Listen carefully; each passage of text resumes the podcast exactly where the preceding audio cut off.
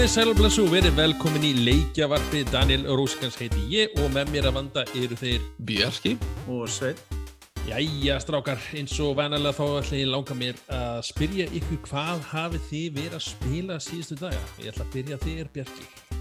Herðu, það er, eh, ég er búinn að spila lítið en ég kláraði Resident Evil Village. Village. Já, Já, Já, það það kom smá brúnt í nærbuksuna sko, þetta var alveg svakalegt sko, Það en er svolítið En er hann hérna- skeri og sjö? Það er máli nei, það bara, mér fannst það ekki. En, Man, er hann betra en sjö? Uh, nei, það fannst mér ekki, en hann er, hann, það sem að, maður þarf kannski svolítið að, að hérna, sem að ég þurfti svolítið að jafna mig á, Ok, ég er ekki ykkur Resident Evil fanboy eða eitthvað svoleiðis, en Já.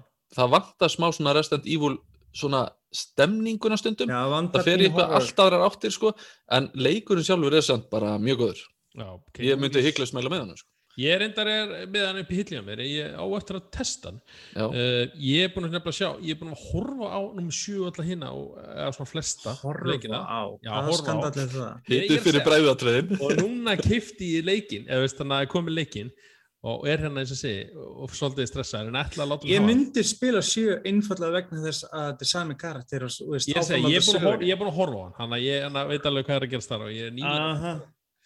Og hérna ræðslubúki já, og, en svo er ég búin að sjá hluta úr númer 8 ég er búin að kannast en ég er búin að sjá svo skrýtna hluti svo Já. personur þannig að ég lokaði ég bara ok, ég verð að kanna þetta sjálfur. Þetta er svo hvað er að gerast? Stundum Ég- klóra maður í sér í hausnum og er bara býtu, what the hell maður?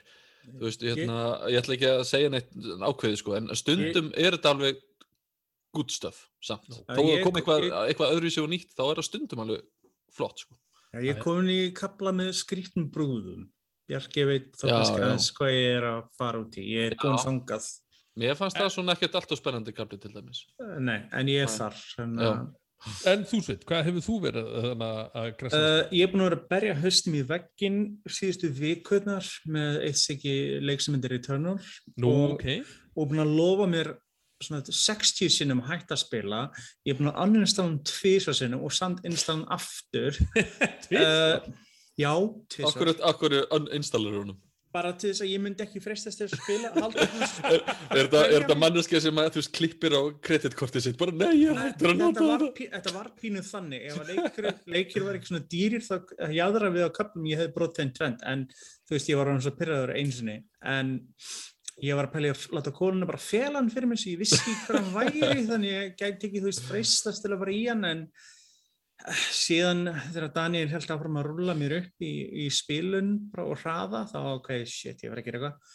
Ég var enda bú, búið með leikin áður. Ég já, bara- veist, þú varst undan mér og, og ert búin að platta mér þessi Ég var actually bara rétt áður við byrjum að taka upp, þá kláraði ég síðasta trófíin og blata. vel gert Sveit, vel er gert. er þetta ekki eitthvað er þetta ekki svolítið erfið Uh, það tók mig erfitt að ná þessu. 110 pluss tíma að gera. holy sko erfiðasti parturinn er eiginlega klára leikin svo hérna er hitt svolítið títjus bara að þennan Uh, sko, random element leiksins er, sko, sko leikurinn er erfið, hann er bara, Já, þú sko ekki draga úr því, hann er erfið, hann er ekki fyrir hvert sem er og ég myndi alltaf mæla að fólk er forrættumanleik, Mhm. lesið hans leikur til í mann, lesið ekki með skakkurinn okkar nördáðansins eða kíkja vídeo eitthvað, eða fá að bröðinu vini á því hoppi á hann. já, að- kaupið henn á, á geisladisk til að geta en, já, nýtt endursöluna eða fílan eitthvað, þannig að sko þetta er leikur sem geti sko, ég svona, ég er búin að elska hann, hata hann, elska hann, hata hann til skiptis. Ég var, já, ég var á tímubili ég var einmitt hérna einmitt svona svektur að hafa ekki keift bara diskútguna því að hérna, ég með langa að selja hann einmitt á tímubili en ég gaf hann mér sens og svo bara þú veist þetta, þú fær þessa tilfinningu bara eins og Souls, þú bara fær þessa tilfinningu. Yes, veist þetta mér fannst það einhvern veginn sko, sko, mér fannst einhvern veginn við, við er sko sko ég skal vikinn það ég seint mynd tala með einhver harðan gaur. Steinar á, í okkar hópir myndi ég segja það. Já, en ég hef actually samt afrekað að klára loksins alla Souls-leikina já, nema Demon Souls og Sakiro sem hann aldrei gera stendar já. en, En- hann, ég myndi ekki alveg setja hann alltaf just, jú, jú, hann er, hann er, hann, er, hann er brutal erfið sko, en vandamál, roguelike leikur vandamáli við hann er svona vandamáli og kosturinn við hann er þetta random element. Það er, svo, það er stundum aðeins svo mikið random. Þú er svo rosalega, þú getur verið út af því að borðinu er svo löng. Þetta er sko með marga svona rogueleiki leiki þá ertu fyrir eitthvað snöggur að klára borðin, kannski 5, 10 mínútur, korter, 20 mínútur eitthvað slags. En hérna getur rönnið þetta aftur á móti tekið 1, 2, jafnvel 3 tíma og þú getur, það getur bara útskeiðis í blá endan og þú ert að geta allt saman aftur. Já, Og það er það sem er svona mest frústandi partur eins að þú ferð ekki valmöguleikan jafnvel eftir að þú búið með leikin að velja hvaða borð þú ætlar að byrja á þannig að þú ætlar að reyna að fókusa okkur ákveðin hlut. Nei, nei, þú að, ætlar að vantar að klára hvað borð þrjú, þá verður að hlaupa ekki borð 1 og 2 áður en bara þrjú og sama með 4, 5 og 6. Þú verður að gera þetta í ákveðin röð. Þannig að, ert, þannig að þú ert ekki, þetta er ekki svona leikur sem að þú ert svona, hei, ég ætla aðeins að kíkja í þú, þú, þennan. verður að, þú verður að bóka tíma. Ég var næst í orðinu sett sko í upptökunum sem ég var koma í blá undan. Ég ætla bara aðeins stakk má rispuðina en ég var actually bara heppin vegna þess að það glitsaði svolítið að infoboxin í leiknum. Saði mér ég ætti að gera tvo hluti en ég átti bara að gera einn. Þannig þegar ég fann eina hlutin þá dingaði trófin og hitt kom sjálfkvæða en en ég veit ekki, þetta er, ég á búin að reyna nokkuð sinni við þetta. Ég, ég hef, já, Ákveðin sjálfspynting Stærsti, galli leiksins, eh, ég, ég segi að segja það ég er náttúrulega búin að spila líka, er, er að það er ekkit save and quit Sko það er rosalega erfið, sko, ég var um að hugsa um þetta með ég var að spila og þegar ég var svona að hugsa um, við- maður er svona aðeins svolítið gamall og lúin og allt það, ég bjargi tölum um það stundum, eða ég, alltaf leið, steinin er eldri ég, menn ég hef það, þá er þetta alltaf leið. En sko, það er stundum hérna sem töluleiki, maður hugsa töluleiki sem virða tímamanns og stundum virða hann ekki, þetta er þetta rosalega erfitt, ég get ekki sagt að ég hef hálf tíma, ég ætla að gera eitthvað núna á þessum, ég get ekki, ég get aftur að hoppa í bara ratse klang og spila hálf tíma og verið góður eða eitthvað annað. En ég- En þarna þarf þarf ég lámar klukkutíma og hann getur algjörlega farið úrskil. Ég ég har mörg skipti sem ég eitti 2-3 tímum að spila einhvern kabla Mm. og síðan tókst það ekki og þannig að Það það er að tíma já. bara glataður. Ég þurfum ekki að hætti í miðri reynsli eins og ég kalla Eða þetta. þú getur lendið bara eitthvað og ég meina ég Mm. lendi mm. tvisar sinni mjög að segja mitt eðalaðist Já, ég letti einu sinni eða tvissunni, það var vissinn sko. og það var Og hvað, þurftu þið að byrja frá byrjun þá eða? Já, Nei. 40 mínútur fann að vaskin bara, þú veist, það var bara að þeir Sko- vissast ekki þegar, sex Ah. tímar var tapið mitt einu sinni. ha, Já. Það er metið var sex tímar hjá mér. Það hvernig var, þess- Var, var það þegar þú uninstallaður honum í fyrraskipti þá? það var þegar ég fór að nefna þessi í fyrsta skipti. Eftir ég fucking vann hann þá glitsaði sem ég þurfti að gera aftur. Æj, æj, æj, æj, veistu hvað það var gaman? Nei, það var ekki gaman, það var viðbjöður Þú lætur svona eins og einhver hafi bara verið að miða bissu og segja Sveit, spilaðu hennar leik, spilaðu hennar leik. Uh -huh, uh -huh. En það, það var enginn að pína þig það. Þú bara, Sko, he heimskuleg þrjóska er viðbjöðslega hluður sem ég mæli ekki með. En ég, það, það, já, það er líka þetta með eins og Dark Souls, það er svona því erfiðara sem að er að ná þessu, því betri verður sigurvíman einhvern veginn þegar og að ég, þetta næst. að fyndi, ég er ekki mikið fyrir þetta og ég á í miklu skrýtnu sambandi við mitt sólsleikin gegnum tíðina, ég Mm. hata Dark Souls eftir ég spilaði fyrst, algjörða fyrirleitan sko og mm, já, við erum átt mörg, mörg samtölu það ég og vinur minn sem elskar þessu leiki um hvað ég þóldi þetta ekki og um, svona já, skorta er að leikstil líka ég held bara að sko, máli er það er tölunlega rosalega góður leikur gullfallegur, rosalega fallegur leikur maður, maður, það er svo margt visually flott hann tónlist og fleira ég held ef hann væri bara aðeins betri leiður að velja nokkuð borð, seifa mittur hann eitthvað, þú veist það fær þetta frá að vera mjög góður leikur yfir í frábær leikur skilur þú veist, hann, hann er á mörkunum að þú veist verða enn betri maður Mm. mm. gaman að sjá hvað myndi geta gert með uh, framhaldusleik sko, eða annan sambarilegan leik eða eitthvað svo En já, en sem segi, ég er loksins búið með þetta, bara annarstalan, búin að setja þetta upp í hillu og loksins slúta þessu og ég er bara með núna tassalistanum að Já, þú ert með hann á gildlist, þú getur bara selt hann. Nei, tjúk. Ég er svolítið samræðið sjálfur, þannig að ég verður örugglega með hann bara gild. ég, eins og segi, ég ætla núna að setja s- listana mér, ég er að klára rætsinni klangleikin sem Já. er að mínum að þetta er svo fallegur. Fallegasti leikur sem við spilað, það er bara, Ó, hann eða langar toppar, hérna- og, þú, og, þú, og þú, þú hefur spilað God of War já, hann er ekkit og, bre fallegasti. og Breath of Wild Mm, Já, sko, sko, ég var einn að ég postaði á Twitter, þá postaði ég mynd, ef mynd væri fallegasti leikurinn ég postaði, þá var einn félag með sagði bara, herru, félagi, Breath of the Wild og umhverju þar. Ég sagði, Ah. en þú ert ekki með 4K, þú ert ekki með Sko, HDR Breath of the Wild er, er Wii U leikur sem að spippa var upp Ég er að það sjá hvað- Það- spenntur það- að sjá það hvað þið gera með tvö sko. Svona tæk, tæknilega fallega já, algjörlega, á undan því var Ghost of Tsushima, það er bara mjög skoðið sko spilunlega sér Breath of the Wild allt annað dæmi en bara frá tæknilegu sjónaröðni er hann ekkit kannski mer- Þetta er bara er konflekt fyrir auð, ég er búin að posta hann á, á Facebook Já, ég meina, auðvitað langar að, þetta er líka, þú veist, að það var alltaf fólk, við, við erum svo mikið í stikkorðum, hversu sem við byrjum nýja kynsla á leikadalum. Núna er þetta, þú veist, 4K, 120 rammar sekundu, ray tracing. Fæ- Fæstir veit henni hvað ray tracing er. nákvæmlega Og þetta er leikur sem þetta mútið nýtir það rosalega vel. Þe- Þeir eru báðir að spila leikinn en ekki Já. Og Jú, eru jú, búin ég að er spila aðspyrir aðeins, en þú sveit næst, þú svona aðeins Ég líka? er búin að svona 35-6% að að ég hef góðan áleiðis í hann. og, og, og, lo- og lofar, lofar sér sett mjög góðu Já, hann er sko eins og ég segi, ef þú hefur gaman að ræsta til klangleikin svo komst 2016 sem er svona soft rebootaði seríuna, þá er þetta auðvöld Við skulum bara segja eitt, ef þú átt PlayStation 5 þá er þetta skildukaup af að, þetta er- af því að þetta, þetta er- er ekki leikur á par við Ég- hennan Það, hefur þetta, er búið skortur að er svo skýting kynnslóð bæði út af COVID og síðan bara kynnslóðskiptingunni að við erum bara ekki með marga. Þú veist það skýti, við erum að tala um Returnal og síðan þennan og báðir eða það saman þeir eru bara PlayStation 5 og reyndar alveg svo Demon's Souls. Demon's Souls líka, endurgerinn er stórfenglega fallega leikur. Alveg bara vá. En líka bara þegar maður tekur eftir hva, hvernig rætsileikurinn er bara hvað hann er fljótur að lóta sín frá þú ítir á X-takkan hún til í menjun, hún til koni í leikinu, þetta er bara andatak Ég, ég held að þetta myndi ekki hylla mér svona mikið þessi, að, að það væri stittri loading tími en ég man alveg eftir því að ég spilaði Spiderman hann að Miles Morales, maður var bara ok, þetta actually, þetta hefur áhrif sko. Ég held að þetta strax finna áfrið ef þú færir aftur í PlayStation 4 Ég hef ekki gert það. Þá er þetta bara, jæ Við fundum fyrir þessu líka að hluta til að installa PlayStation 4 leik á PlayStation 5. Það fær ekki alltaf Já. sama en þú fær samt smá benefit, alveg eins og á Series uh, S og X-velum, Xbox-velum og gerir það sama. Finnur fyrir munin bara veist, í þessu Witcher, þú veist, hann er ekkert enhanced fyrir þessar vélar, en bara að hafa hann installaðan á hardast vélan nýjuvélana er loadingið bara glæpsanlega stutt. sko. Ég er með, að býja eftir að hans version af, af húnum sem hefur verið að koma held ég setna hluta þess árs svo lengi þeir, já, þeir eru loksins að vera búin að tjastla saman hlutin sem er Cyberpunk almennilega. Það verður aldrei gert ég er ennþá að býða eftir þeim leik ég er, Hey, ég, come on, hey, hey, hann er til sölu. Uh, Hann er komin aftur. aftur í sölu, já hann, er- hann er loksins komin aftur í sölu og Microsoft var tilkynnað það í dag að frá með næsta manni hættar að endurgræða leikin þannig að þeir telja að minnstu hvort þeir verið komin í það stand að þeir eru- þurfi ekki að endurgræða Þú leikin.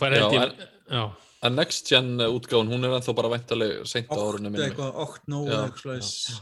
Þannig að ég býstu hún ég býstu hún mun þess vegna tefja Witcher, ég veit samt ekki alveg hvað mikið það geti gerst er ég kemur ekki óvart alltaf vitt sem verður undan sko Nei, ég veit ekki Já, Er minni þarna- vinna sem það er að gera við hann að mörgu leiti Já, sko. ég held sé bara mig- sikkert teimið ish eða svona samanlega Já, þannig ég bara hver, fyrir- hver útgáf verður undan fyrirtæki er það stórt að að geta Já. gert bæði sko. en eins og segi, þetta er eins og segi, við erum ekki með mikið exclusive leikjum en eins og segi, Ratchet Clank er fallið gott dæmi, líka bara nótkun á HDR lítadækni, það eitt og sér, að vera með sjónvar upplösninni voða næði sér. HDR bæði með töluleik og kvikmyndir er hjút slutur bara þessi aukni eh, lítadýrð, eh, betri skuggar, bjartari Já. litir. Þetta er svo leikur sem nýtur sín sko, þetta kartún sko, þessi heimur æpir á þú veist, að vera svona sýningarinn og þeir klálega Já. hafa nota dagifur til þess að þú veist, allt glansar og sjá hvernig hraunið og sögum borðunum glóir og uh, endur kastast af umhverfunni eða brinju karakterina. Þetta er rosalega flott að sjá Ég hérna, eins og ég segi, ég er svona að lýsa þetta fyrir fólki. Þetta er svona lifandi teiknumind þetta er teiknaður heimur sem er bara í það lífi, hann er það fallur að þú bara, veist, þetta CGI liggur bara í motion sko. Þeir eru alltaf búin að selja mér þetta, ég er að fara að kaupa þetta eftir bara að við erum búin að taka upp hérna Já, ég, þetta er, ef þú, menn, þú, þú, þú, bara, hatar einhverja hopp og skoppleiki Nei, ég elska þá, en ég ólst ekki upp með þessa gauðra sko, en Nei, nei, nei. ekki, en- ekki en- heldur sko en, Þetta er líka fresh start, eða svona fresh, þú veist, saga Já, það já, þetta er það er cool. þetta er ekki að missa eftir Sko, einu eins og ég segi, ég meina, þú, þarft ekki með að spila 2006 alveg, hjálpar Já. aðeins, en hann er ekki nöðsöluður. Hann, var, hann, var, hann er til dæmis í PlayStation Plus Collection, þú getur nálgast hann fríkt hvað sem er að spila hann Mhm. Akkurat. sem er solid leikur og það er gaman að sjá ég kíkti mitt aftur á hann upp í jókinu um daginn bara langar að bera saman og sjá stekkið á milli þessu tvekja leikja. Það er rosa munur á grafíkinni samt, svona- samt er hinn rosa að þeir Ég segi það, það er bara þeir voru búin að uppfara nokkuð sinnum fyrir Já. PlayStation 4 Pro og svoleiðis, þannig að hann, hann er ennþá rosalega flottur.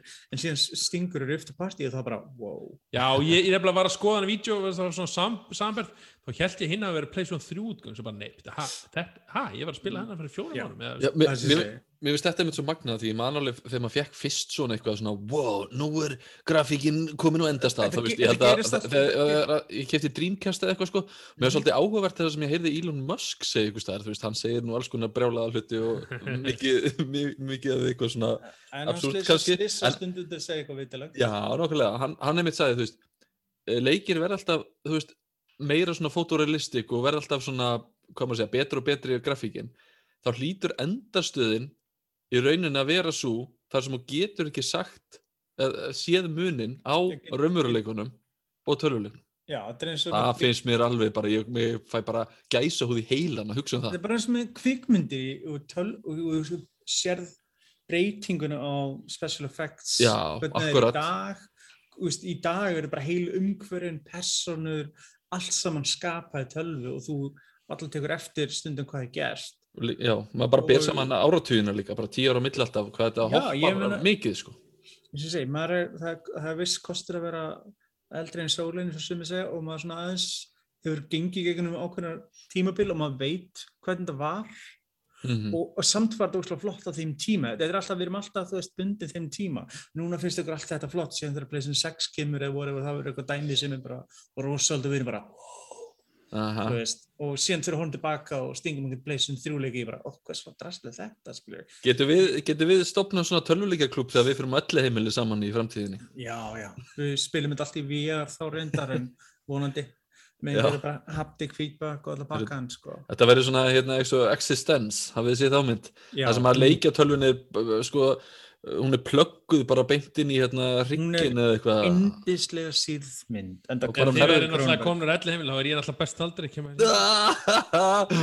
Hann- kjaftur er á unga manninu maður. hann kemur að heimsækja og gefur okkur rúsínur eða eitthvað Þarna, gott, er eitthvað fýblein eitthvað. Herði, nei, herði, ok, þetta er hérna, eh, já, uh, í þrýr þáttur sem við ætlum að vera Já, með. ótrúin sagt þá var í þrý í ár, það frestaðist í fyrra á þetta COVID. Nákvæmlega. Í þrýr er bara Þannig komið og það er farin. Það er, eh, fór lítið fyrir ára. þetta var skrítið í þrý, við skulum orða þannig. Þetta var svolítið sérstakt, þetta voru margar kynningar í öllum áttum.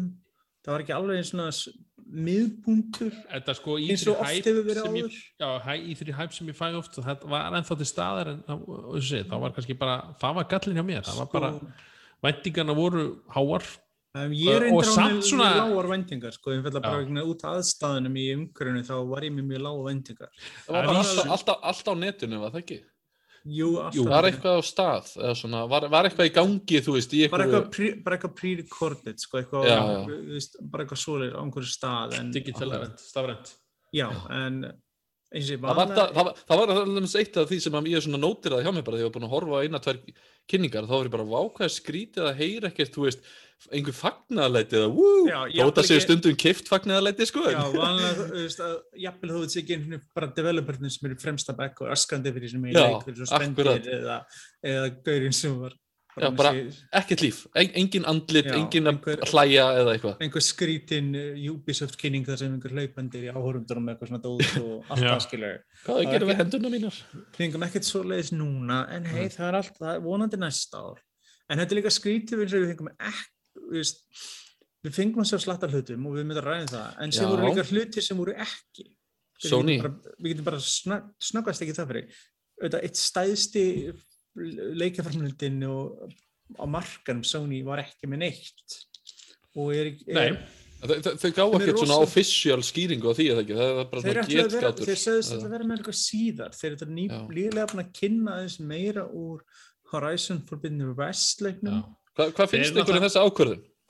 Mér finnst þetta mjög skrítið. Ég skildi ekki vegna þess að Sony það stórt og þeir eru með það mikið stúdíum í kringu sig þeir ætti léttilega geta hend Já. saman 30-45 minna vídeo.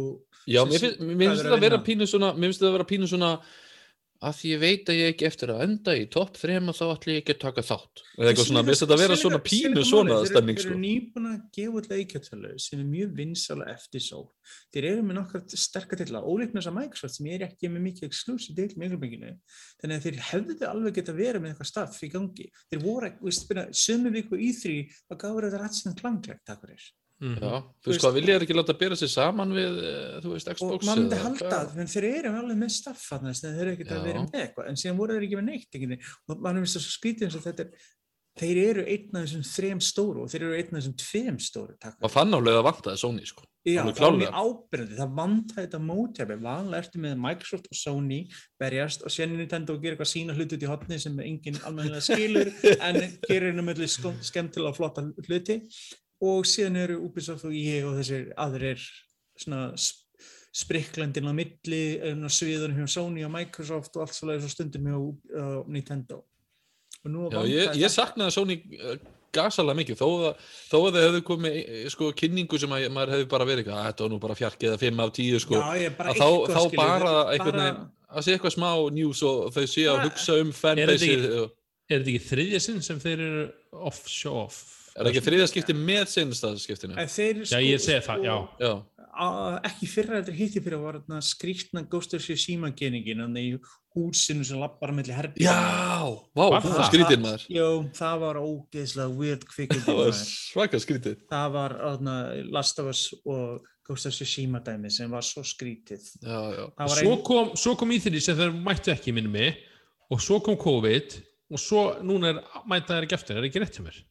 Jú, ég held það Lang, við langar að segja að þetta sé svona annað í því sem þeir hafa, eru að segja bara, nei við verum ekki á en þeir voru ekki með uh, kynningu eða allavega eitthvað í kringu eða kannski er ruggla við COVID þú ert að ruggla saman vegna þess að þeir voru held ég árað undan með áður en að COVID var þá voru þeir með Last of Us og Var Tsushima. það? Já, ekki Já. verið. Já. En þú veist, COVID og það er ekkert og síðan núna eru þeir ekki með neitt og síðan mér finnst þetta að vera bara pínu svona ég, ég er hérna aðeins of uh, merkilegur uh, sko- til, til að vera eitthvað að beigja mig hérna undir, þú veist, mér finnst þetta ekki þú veist, come on, hvað er þú veist leikurinn í ykkur, hvað er hérna, verið bara með og þess að skrítið vegna þess að þeir eru mi- þeir að vita mál það er verið að vinna- það verið af ótal titlum fyrir, já, fyrir Playstation.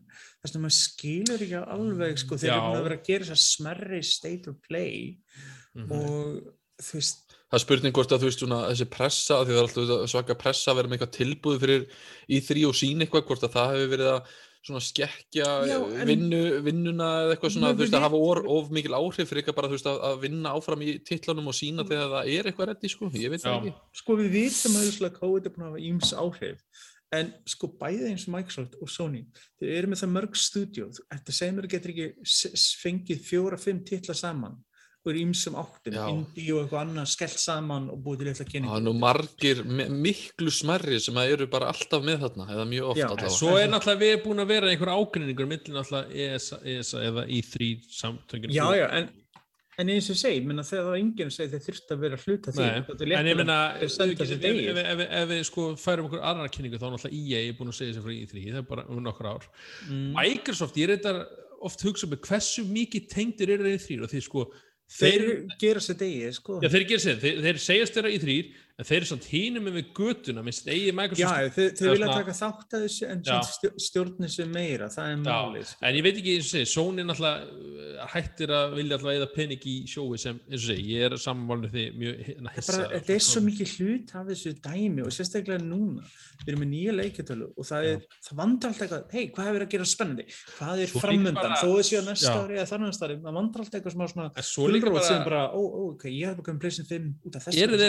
það vandrar alltaf eitthvað smá svona En svo líka gulrót sem bara, bara, ó, ó, ok, ég hef bara komið pleysin 5 út af þessu eru þeir eru kannski með neitt til að sína ennþá sko. ég er neitt að trúa Sony sem er með aðgang að einhverju 10-20 stúdíum sem get ekki með eitthvað að sína Já, nema þeir er séu bara- að fara í bara í state of play kynning, við erum alltaf um að fara að sjá miklu fyrir svona ör svona kynning það er bara, það er bara, síðan er það bara slæmt upp á kynningarlega sé, hvernig ætlar að halda utan þetta allt ef þetta eru fimm, fjóra kynningar yfir ári í stæðin fyrir eina stóra sem bara alla pressuna, alla kynningun eins og vanlega ég, í ég veit ekki, það hefur virkað fyrir Nintendo og þeir eru leita meira líka Nintendo siglir á sinni eigin skipi sinni Já. eigin hafi annari plánutu, þeir eru ekki undir neinum öðrum kringustæðum, þeir eru ekki tengdi við neitt já, í þrý er líka einhvern veginn, þú veist, það er erfitt kannski að líka svo saman við einhvern svona annan viðbörð í öðrum heim, bara þú veist, Óskarinn eða eitthvað, þetta, er eitthvað svona, já. þó, þó, þó að fólk sé ekki alltaf að kíkja á einmitt Nintendo Direct eða State of Play, þá er einhvern veginn sumir sem að samt tjekka á í þrý og helga sér bara, er-. Þetta er málið þegar að kannski ekki hluta af, heldur er almenna pressa sem vanlega fjallar um eitthvað allt annað. Þetta er eina skiptið ári vanlega sem hún fjallar um þennan bransa. Og það Já. er ekki í því. Það er vegna þetta spektakali kringum þetta og þetta samansatt gera það verkum að það er auðvitað að gera. Þeir hafa engin áhuga einhverju state of play kynningu eða einhverju EA kynningu júli. Það heldur að vera eitthvað rosalega pressa kringu það? Nei, það verður ekkert. Nei, Það sko. Þetta er ekki sko- Máli er líka það svona, frá svona business perspektiv það sem ég held og, og trúi er að þeir sjá nú við þetta hægin er að sko að skipti svo sem lítið máli hvort þú sýnir frá leik hvort sé tveir mánuður í hann eða, eða tólf mánuður í hann. Þú, ég held að þeir séu að fá sama hæp og sama áhorf að sína leik sem er tveir mánuður í eða þú fattið því Æ, um, E- eins og maður, maður kannski reyndar Málið það, eh, málið það, ég myndi að fyrir aftur á móti þá sem er að selja tölvurnar og leikina, þeir þurfa sinn tíma, það þarf að vera pre-order, það þarf að vera undirbúning, það þarf að vera skipila, þú hefur ekkert, þú gerir ekkert tvo mánuði, þrjá mánuði undan, hvað ætlar að gera? Se- Sega Saturn, gefa tölvun, leikin út á sama dag og þú svo náttúrulega var það það virkaði svo vel fyrir Sega Play, Saturn. En, Playstation 5 var, var hún alltaf bara kynnt bara Þeir hérna voru, þetta var stórskrítið hvernig þeir höndluðu algjörlega, en Þetta hvernig var- sjáum við þetta? Hún er bara, alltaf, hún er bara besta er þetta ekki bara sölu, já, er það ekki? En það er ekki, en sko málið er það, hva, hvernig væri staðan ef það væri ekki þessi COVID-skortur á öllum raftækjum, ef það væri ekkit vandamál rætta vilni. Já. Ég held að hún myndi seljast eins og heita lumur samt. Já, ég held að hún myndi seljast, ég er ekki að segja að hún myndi ekki seljast, en ég segi hlut af þessu er líka þessi aðstæður, þessi umræði er líka bara einhvern veginn að við get, og þú getur ekki labbað þetta búið og keft auðvitað við. já, Nei, algjörlega. ma- maður ma tekur alveg eftir þessu á Facebook-kópunum, það er bara, þú veist, veit ykkur hvort það sé ykkur vel, hvernig er hann nú Já, komin? það segir mér Á, ég er rétt svo náðu ef- hérna á tímindum eitthvað. það segir ég meina, ef þetta væri ekki ef Já. allar þessar vilar væri bara þú getur allt neyri elko eða geimstöðun á morgun og keft þessar vilar á nefna Já, já. byrjarhafnar væri þetta eins umræðan Nei, þá, þá væri möguleg einhver hópur þarna sem er að kaupa vélar núna sem að væri til að býða þá til að koma það, það, þá útsölur. nefnilega, þá ertu konið í þennan pakka Já. hvað ætlar að spila, ok, þú erum komið með ratsileik núna og við erum kannski komið með þú veist, eitthvað smá, en við erum ennþá að býða eftir næstu stóru titlan Það er ekki mikið merkilegt að gerast Þa, þannig það að er sé, málið, sko. það, er, í því vanlega er þetta, þessi leikurinn sem er færum með þetta, vera spenntu fyrir þessi vélbúnaði, þessi Mhm. hardware eða eitthvað næstu 1, 2, 3 Akkurat. árin. Þú veist, þó maður fá ekki, að- vita en maður bara, hei, það eru uppdate að koma fyrir fjastýringuna.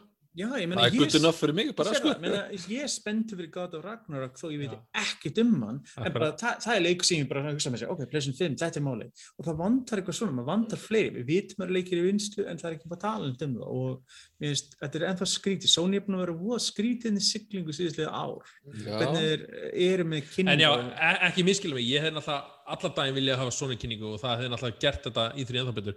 En eins og sé, ég held bara svona business hlutin þó ég skilja hann ekki, hann er sem raunveruleiki er hans öðru sig og ég fíla þetta það er, bara, ekki þetta er bara ekki virkað eins og þeir halda samt, virðist ég, ég veit það bara- ekki, ég get ekki sagt það að við, að veist, það er erfitt að segja til um það. Alltaf, eins og staðan í dag þá er þetta er að segja það. Þetta er bara að pínu svona, þú veist, hei, viltu sína traileriðin ókipis, eða ekki ókipis, en viltu sína traileriðin hérna Óskarsverlinunum eða viltu gera það bara í þínu hotni þegar þú ert bara að halda þína vinnukynningu á er þá, þá hugsa ég, ég vil hafa hann á óskunum en er hann fá jafn mikil, eða veist, er hann að fá sömu augu, þú veist, ég held Ha, það það er nefnilega, ég er ekki sammála því. Það er nefnilega máli, það eru ótrúlega margir. Sko, við erum með puttan inn í þessu. Við getum vitum ymsa kynningar og við erum Já. að skoða fréttaveitur alls saman, en þú horfir á fólki sem kaupir FIFA, Call of Duty og GTA þessu leiki og ekkert annað það fylgist með svona fréttum. Það fylgist með þessu stóru kynningu sem fréttablaðið MBL skrifar um eða í þrjöksleis, það er ekkert með puttan á púlsunum með einhverju í kynningu júli eða eitthvað svona dæmi. Það er ekkert með og það er, það er þessi augu. Þau eru miklu fleiri en við, þessi hardkjarni sem er með allt ég vil, saman. ég vil meina að, að það eru þrýþætti sem gera umræðina, það er alltaf er Facebook fer ok.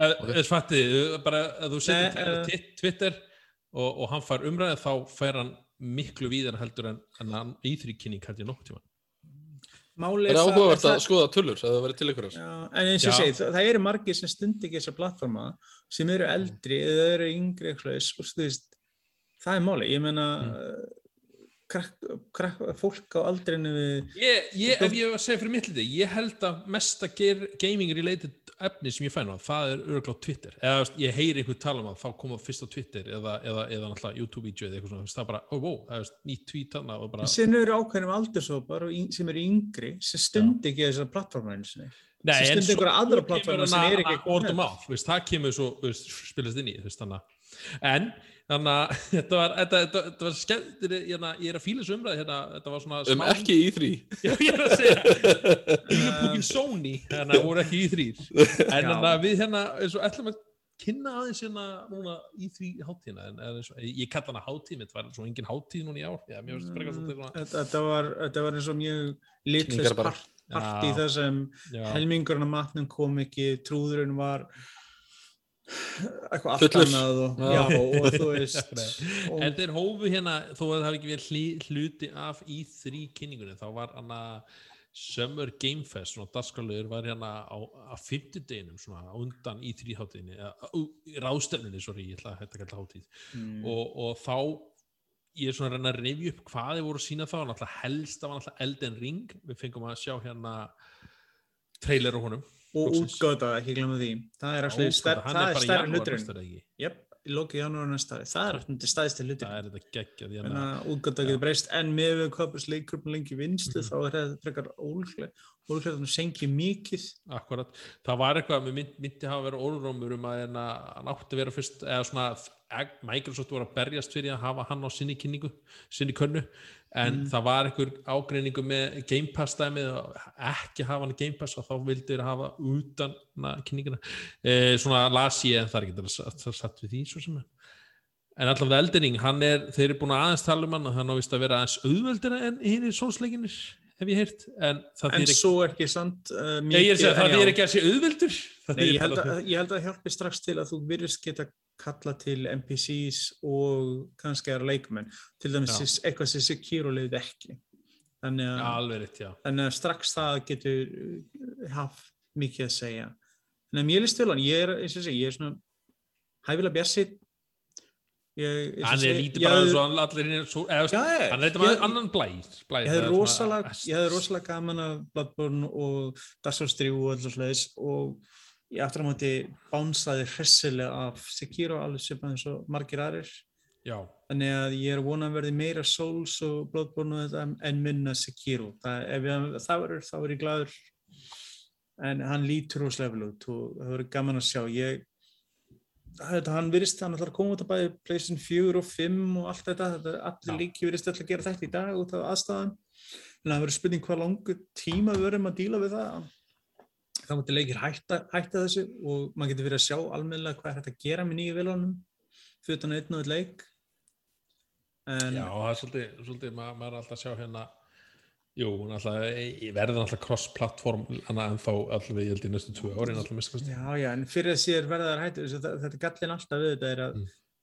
ert að miðast, sko, alltaf þegar þetta er gert þá er miðast til læðista plattformið og hvað er Já. læðista plattformið? PlayStation 4 og Origin Xbox þær eru orðnir, sko, sjóra gamlar vélar og þú veist, það dregur úr hvað er hægt þú getur ekki gert skoður rætsetleikin í þú getur ekki gert hann á PlayStation Ég 4 held að- nákvæmlega. og svo, svo, svo þetta hægir þetta COVID á þessu af því að Já, já, salan er hægari og þá bara af hverju að flýta sér ef ekki að býða með þetta þá til næsta ári og... Akkurat, Já, ég, hérna, ég sá hana síðast en þá hana er hana leikurinn og stúrur mér Godfall, hann er að plöðs á fjör svona, já, það er vegna þess að svona öfugt Já, hann er að koma öfugt vegna þess að sáleikur bombaði þegar hann kom út. Hann leika var Ah, bara ósvæðlega óspennandi leikur Jús, og allt og dýr og var ekki að hitta. Einaðan sem hann hafði var, hann var lónsleikur. Það var einaðan sem hann hafði. Það var rosalega generic miðlungsleikur í alla staði en einaðan sem hann hafði var að það lónsleikur. Núna, en síðan bara er bara svo mikið að vilum til. Fólk hafði ekkert á þessu og þeir eru svona, að það verður að laga leikinn og við að gefa hann til PlayStation 4. Kaupið hann, please, kaupið hann. Þannig að, já, og svona burtu frá Summer Game Fest var ekki Ubisoft svona fyrsta kynningin ef ég Uh, jú, Ubisoft var með kynningu og var hana á lögdeinum. jú, Nei, jú, stór hluta kynningunni var eiginlega bara það var svona mjög á, það var þetta að sjá áhrif COVID svolítið mikið vegna þess að þeir voru mikið að tala um áframhaldandi stuðningu í núverandi titla Watch the Legion, Crew 2, Trackmania, Rainbow Six Siege og meira segja Assassin's Creed Valhalla sem kom því fyrra sem er að fá auka DLC þannig að það er ekki komað leikur á þessu ári en þeir eru að halda honum DLC þannig að þeir eru slegir að rúlla þessu áfram að styðja. Þeir eru enda búin að vera mjög góði Mm. þess sem er að styðja við leikina sína. Akkurat, ég hef aldrei, ég hef aldrei svona uh, verið á móti DLC þannig sé ef, það hefur leikurinn er góður og þú er vilt meira efninu og þá hérna Já, ég meina, þetta er, er ekki neitt til því þetta er, almennt vel lagt upp úr þessu finnst mér hjá Já. þeim og, og Mm. meðan þetta er ekki bara eitthvað svona skins og eitthvað svona vibbi eins og sumileikir er með þá er það bara Akkurat. besta mál. En fengum við sjá hana Rainbow Six Extraction sem er hana uh, Já, sem hét, sem hét einu sinni Quarantine en aðstæðnar ákveða að breyta nafninu. Já, Eh, ég var alveg vona að þetta væri þetta virðist þér að þetta er standalone leikur. Þetta er ekki uh, þetta er svona, já, þetta er hliða hliðaspor af Rainbow Six Siege já, nota smá þemur og, og personur úr þeim einmitt. Já, notar, en sem verðist þetta að vera smerri, það eru færri, þetta verðist vera meira lagt upp á kóa og svona já þ- að- svæfum. held ég þrýr saman allavega Já, Sorry. þetta verðist vera svona meira það. Þetta er einsting, en ég veit ekki, þetta er ekki einhvern veginn það sem ég hefði tíminn meira, ég, ég veit ekki, fíla meira kannski bara Rainbow Six, en það sem ég hafði mjög gaman að þú myndi sjá var Far Cry 6, hann lítið vel út. Það, nei, mér, mér fannst nefnilega það ekki sko þegar að ég sá trailerinn hérna Ubisoft kynningunni Mm. þá einmitt fannst mér eftir að hafa hort á hitt það var sínt hérna einmitt uh, úr Rainbow Six það var hérna Riders Republic líka og eitthvað á undan já, og svo kom að þessum og það fyrsta sem að ég sá bara var einhvern veginn wow, hvað þetta er eitthvað lestjan grafíkdæmi maður. Það, þarna komum við inn í þessa vandamáli en mér fannst aftur á móti sko að því svo kom líka kynning uh, trailer hérna í Microsoft og Bethesda mm. uh, og þá fannst mér grafíkin lúka mjög flott sko. Já, þá var meira fókus á gameplayið. Já, þarna var svona cinematic já, cinematic. andlitin fannst mér alveg verið nefnilega off það vantaði allar svona, Já. hvað að segja, tilfinningar í andlitin. Já, eitthvað sem að maður svolítið, finnst svolítið semi sjálfsagt í töluleikum í dag sko. Þetta er klassíski uncanny valley í töluleikum og kvikmyndum þegar þeir eru ekki nógu lifandi personar. En já, ég sé ég meina þessi leikur er að koma allt undir sólinni næsti og þannig Mm. að hann berði þess alveg merki. Þetta er klassísk dæmi um ef þetta væri bara next year leikur og grunna með hann væri talsast flottari já, alveg klálega sko. umhverfi.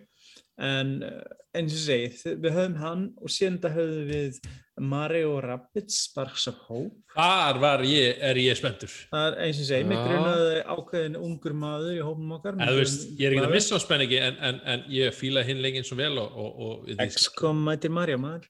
En ég, var ég, breytunum Mm. Þannig er ekki lengur svona, jú, jú, þetta er svona törpistæmi en þeir, varst, með svona, frelsi. varst meira með svona, hvað heitir það, tiles uh, Ja, Þetta er svona, já, þetta er svona eins og tablgridd og eitthvað slags. Já. Sem XCOM leikir er vanlega byggja svolítið mikið á. Þetta er meira svona eins og sumir uh, japanskir action orbyggjuleiki sem akkur, núna JRPG sem eru hérna- leifaði meira reyfingum meðan oft samt að fannst sem ég er fyrri persónulega að fíla.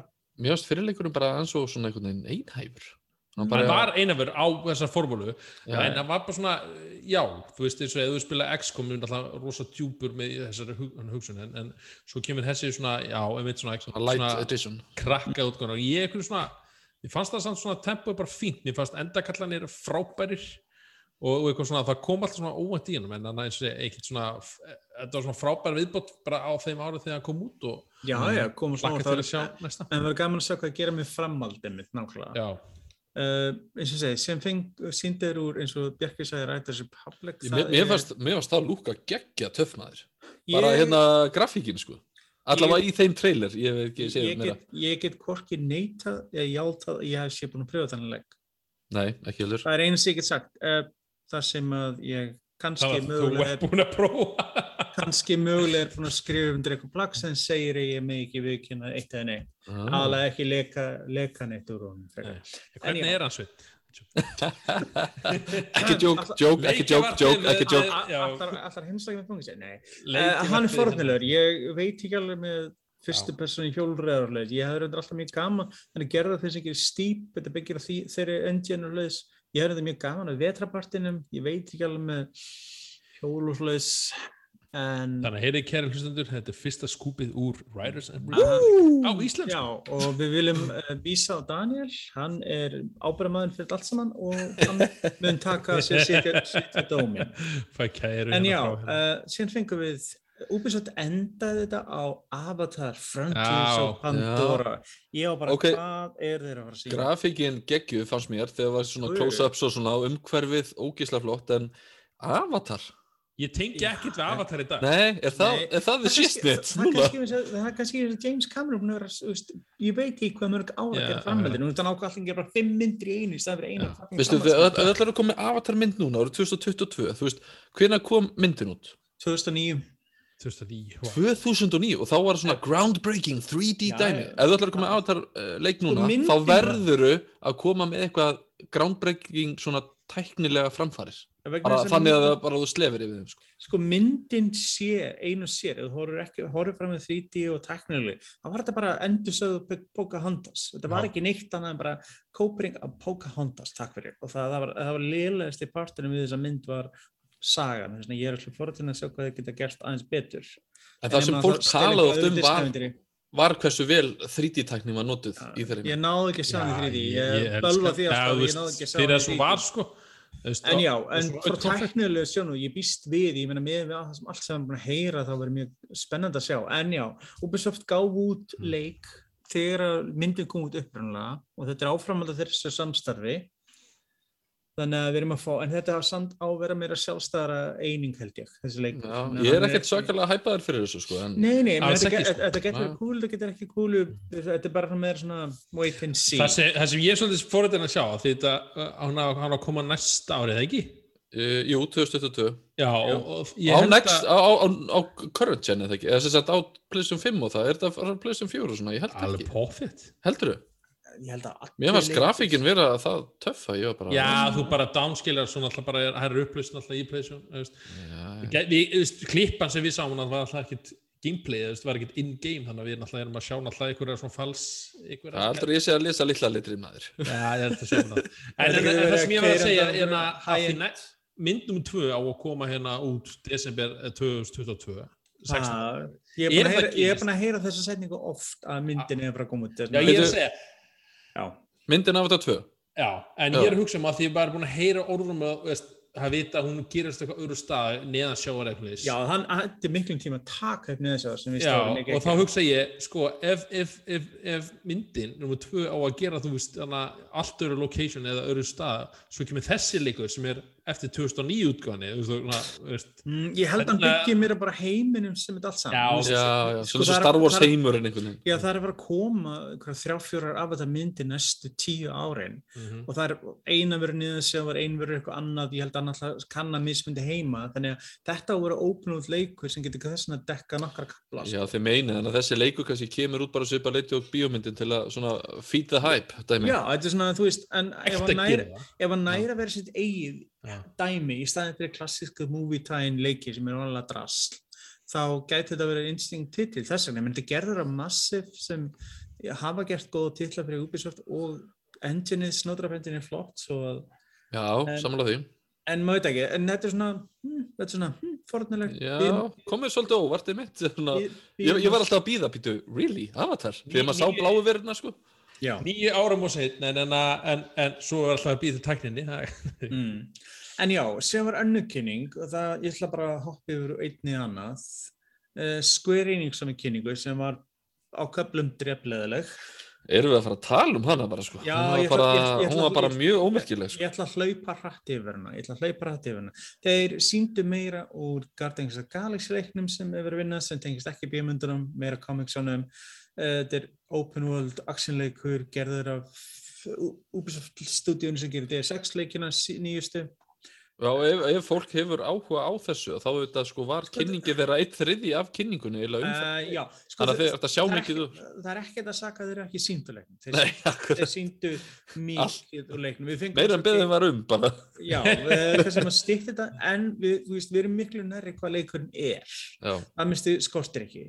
Uh, hvernig verður, þeir eru minnstu búin að lofa þeir ætla ekki að endur taka leikin með, með Avengers leikin að Já. þetta verður peningaplokk, always online, vittlis eins og jarðaði þann leik. Það veist það bara ætla að vera klassískur open has action, action leikur sem er single player það er bara, Aha. getur skemmtilegt uh, maður sá, við fengum Final Fantasy gömlu leikina, eitthvað eh, remasters eitthvað, eitthvað Final Fantasy á mobile og Steam. Já, eitthvað voðalega boring sko. Ég fengum við mjög skrítin leik sem heitir Strangers of Paradise Final Fantasy Origin sem Já, er eitthvað nýr, skrítnasta- nýr titill. Þetta er actionleikur frá Team Ninja sem gerir nýju og, og Ninja Gaiden leikina. Já. gáði demo á PlayStation 5 sem var bara brotið nokkar daga en er laga í dag uh, eins og segi, sem fengum við svona sitt lítið að hverju þetta var ekkert eitthvað, þú veist, merkilegt svo við ætlum bara skima yfir þetta, getur við sagt um, og þá var svona, eins og maður segir Mér langar kannski að henda því svona inn hérna að því það er þetta alltaf áhugavert þegar að uh, Ísland, Ísland tengist einhverjum svona Já. hátíðum hérna við, að við vorum að tala um Prime áðan um Matter. sommer hérna uh, hvað Já, Summer Game Fest að þá voru þetta hérna uh, Myrkur Games þá var þetta frétt frá þeim sem að uh, kannski glindum að minnast á að það var hérna mjög flott horfðu þið á þetta? Það var sér sett já, ég á þetta þannig að þið kunnið að bera þetta fram Koch Media Group Koch Media, þetta já. er austuríst fyrirtæki sem er, þetta er orðið gríðalegt stort, þetta er Embrace Group líka þetta. Já, komur á óvart, þetta var að sína svona, uh, svona montage eða eitthvað yfir leikina Vá, þetta er Það, bara það, helling af það vegna þess að Koch Media, Deep Silver, THQ Nordic, allt saman batterið, þetta er allt saman Ah. af öllu, það er ástæðan. Og þess vegna fyrstu leiki svo King's Bounty 2, In Case, alls Já. konar leiki sem maður var ekki mikið kannast við, en eru svona kannski, eins og maður segir, double A leikir sem eru fínir sem fylla oft upp í uh, Mhm. já, sem Payday 3, Mountain Blade uh, Það- það- 2 Þannig að þeir voru allavega sem sagt að kynna sem sagt já, já, Echoes of the End. Echo- Echoes of the End sem er frá Myrkur Games sem er fyrsti við, við kíktum með mynd á á uh, uh, Midgard, já. Við, og hérna er bara rosalega spennandi uh, verkefni sem er svona ævintýra já, og þau eru með hérna svakalega flott hérna svona uh, stúdíu þar sem er verið að skanna leikarana sem Já. að nota svo í leika uh, meðal annars hún hérna leikurna sem að leikur í Katla, mástu hvað hvað hún heitir? þetta ég skal var, já, tjekka því. hún var allavega í hérna og gaman að sjá hana þar af því ég var þar- þar... hug, hugsa þegar ég horfði þetta ég kannast svo við þessa stelpu af hverju Við erum sagt að ég tala um- stelpu? Já, við erum sett að tala um köllu hérna sem Á Netflix-seríuna Baltasar Mæli með sko, ég var sáttum Já. með það En hún var sagt- Aldís Ama Hamilton Já, hún er sem sagt aðal, aðal karakterin í leiknum og þetta, þetta var alveg frekar þokkalega langt viðtal, hvað, 10 mínútur 15 mínútur, 10-15 mínútur Já. eitthvað? Við hérna Magnús og Haldur hjá hann að hvet ykkur til að hlustendur til að tjekka því að þið hafi áhuga. Koch Media var semst að stopna nýtt, nýjan útgáfarum sem heitir Prime Matter sem er að fara að gefa út mikið af þessum titlum á PC og leikjaföldan næsta árum og leikir eins og þessi íslenski leikurinn eitthvað svona er inn í þessu Payday 3, alls konar titlar. Þetta Mm. er með svo gríðarlega margar titla uh, undir þarna hattinum í dag sko. Að mér ástæði með svolítið skemmtilegt að því ég náði ekki að fylgjast með þessu live að því ég var í sumabústóð eitthvað en ég var að kíkja upptökuna. Þetta var eitthvað svo heimilislegt kynningin þeirra, það var svona Mm. öfugt við einhvern veginn hérna í þríkynningan, þetta var eitthvað svona mann vildi bara, ma- mann langaði bara að setja sér stól hliðina og, og spjalla og ná í kaffipólla og eitthvað sko. Já, eins og segi, þeir, þetta er svona, þeir eru búin að aðgreina þessu skondi, þeir eru búin að aðgreina. Prime Matter er að sjá um ákveðna titla, þeir eru líka að sjá um uh, Painkiller reboot, síðan áttur um að þeir annar hluti Koch Media, þeir eru með Metro og, þú veist, Dead Island og Saints Row og hlutis og síðan eru þetta með THQ Nordic líka og þetta er það er ótrúlega samþjöppin sem eru orðið á smerri fyrirtækjum undir uh, hatti eins tveggja aðela í síðust ára Mér finnst líka svolítið áhugavert í þessu viðtali við hérna Myrkur Games að, einmitt, að því maður veit alveg að það eru íslenskir hérna, leikara sem hafa verið skannaður inn og svona en það voru að Mhm. spyrja, þú veist, hei já, hérna, þú veist, það var svolítið verið að spyrja um Ísland, sko. Alveg, "Ó, þau eru frá Íslandi, svona bínu, eru þau með álværu? Hm, svona smá þannig stemning, sko. En þá voruð með, þú veist, að segja, þú veist, leikur okkar byggir ekki á Íslandi, það gerist ekki á Íslandi, en, þú veist, við værum svolítið klikkaður að taka samt ekki eitthvað af því sem innblástur í leikin, eins og að skanna inn, hérna, þú veist, eins og steina og ykkur hluti Já. og svona sækja innblástur einhvern veginn, sko. Það er meira- svolítið áhugavert að heyra það. meira aftur á móti hinleikunum sem við pröfum einmitt á sömu kynningunum var meira íslenskur. Já, hann var mjög íslenskur. Það var aftur á móti þjóðsögur og allar bakkin og það var aftur á móti, já. Já, hann á bara að gerast á, á Íslandi. Já, Já. það er einmitt leik sem ég langar svo meira. En já, Embracer Group, það er móður fyrir Koch Media og THQ, Deep Silver og ég veit ekki hvað, þeir Gearbox, þeir keftu Gearbox um daginn. Bara he- Bara henda inn leikur sem við varst að tala um hérna Sveinn, heitir Island of the Winds Já, eftir það Parody Games. Já, Já, ég meni, Ég, við pröfum hann og ég, mér finnst mér skemmtileg, mér langar einmitt að sjá meira honum. já, sammála því. Maður er þetta eiginlega forvittnast svolítið hvað, hvað er að frétta á honum. Já. Uh, sko, sá, við skulum bara fara Hvað, já, við vorum hérna, svo við snú okkur aftur að hérna, hversu stóru kynningunum. Hvað, hvað hérna, Við taka Nintendo fyrst og... taka Nintendo fyrst? Jú, er það ekki? Já, tökum Nintendo fyrst. Daniel, Taka- hvað, Save the hvað, best for rest, er það svo veist? pínu? Hvað fannst þér um Nintendo kynninguna, Daniel? Herðu, ég var bara almennt sáttur sko. Ég hérna, þetta var einhvað fyrir alla. Þetta var svona ekki, þú veist, þannig Konur að kalla og allt það.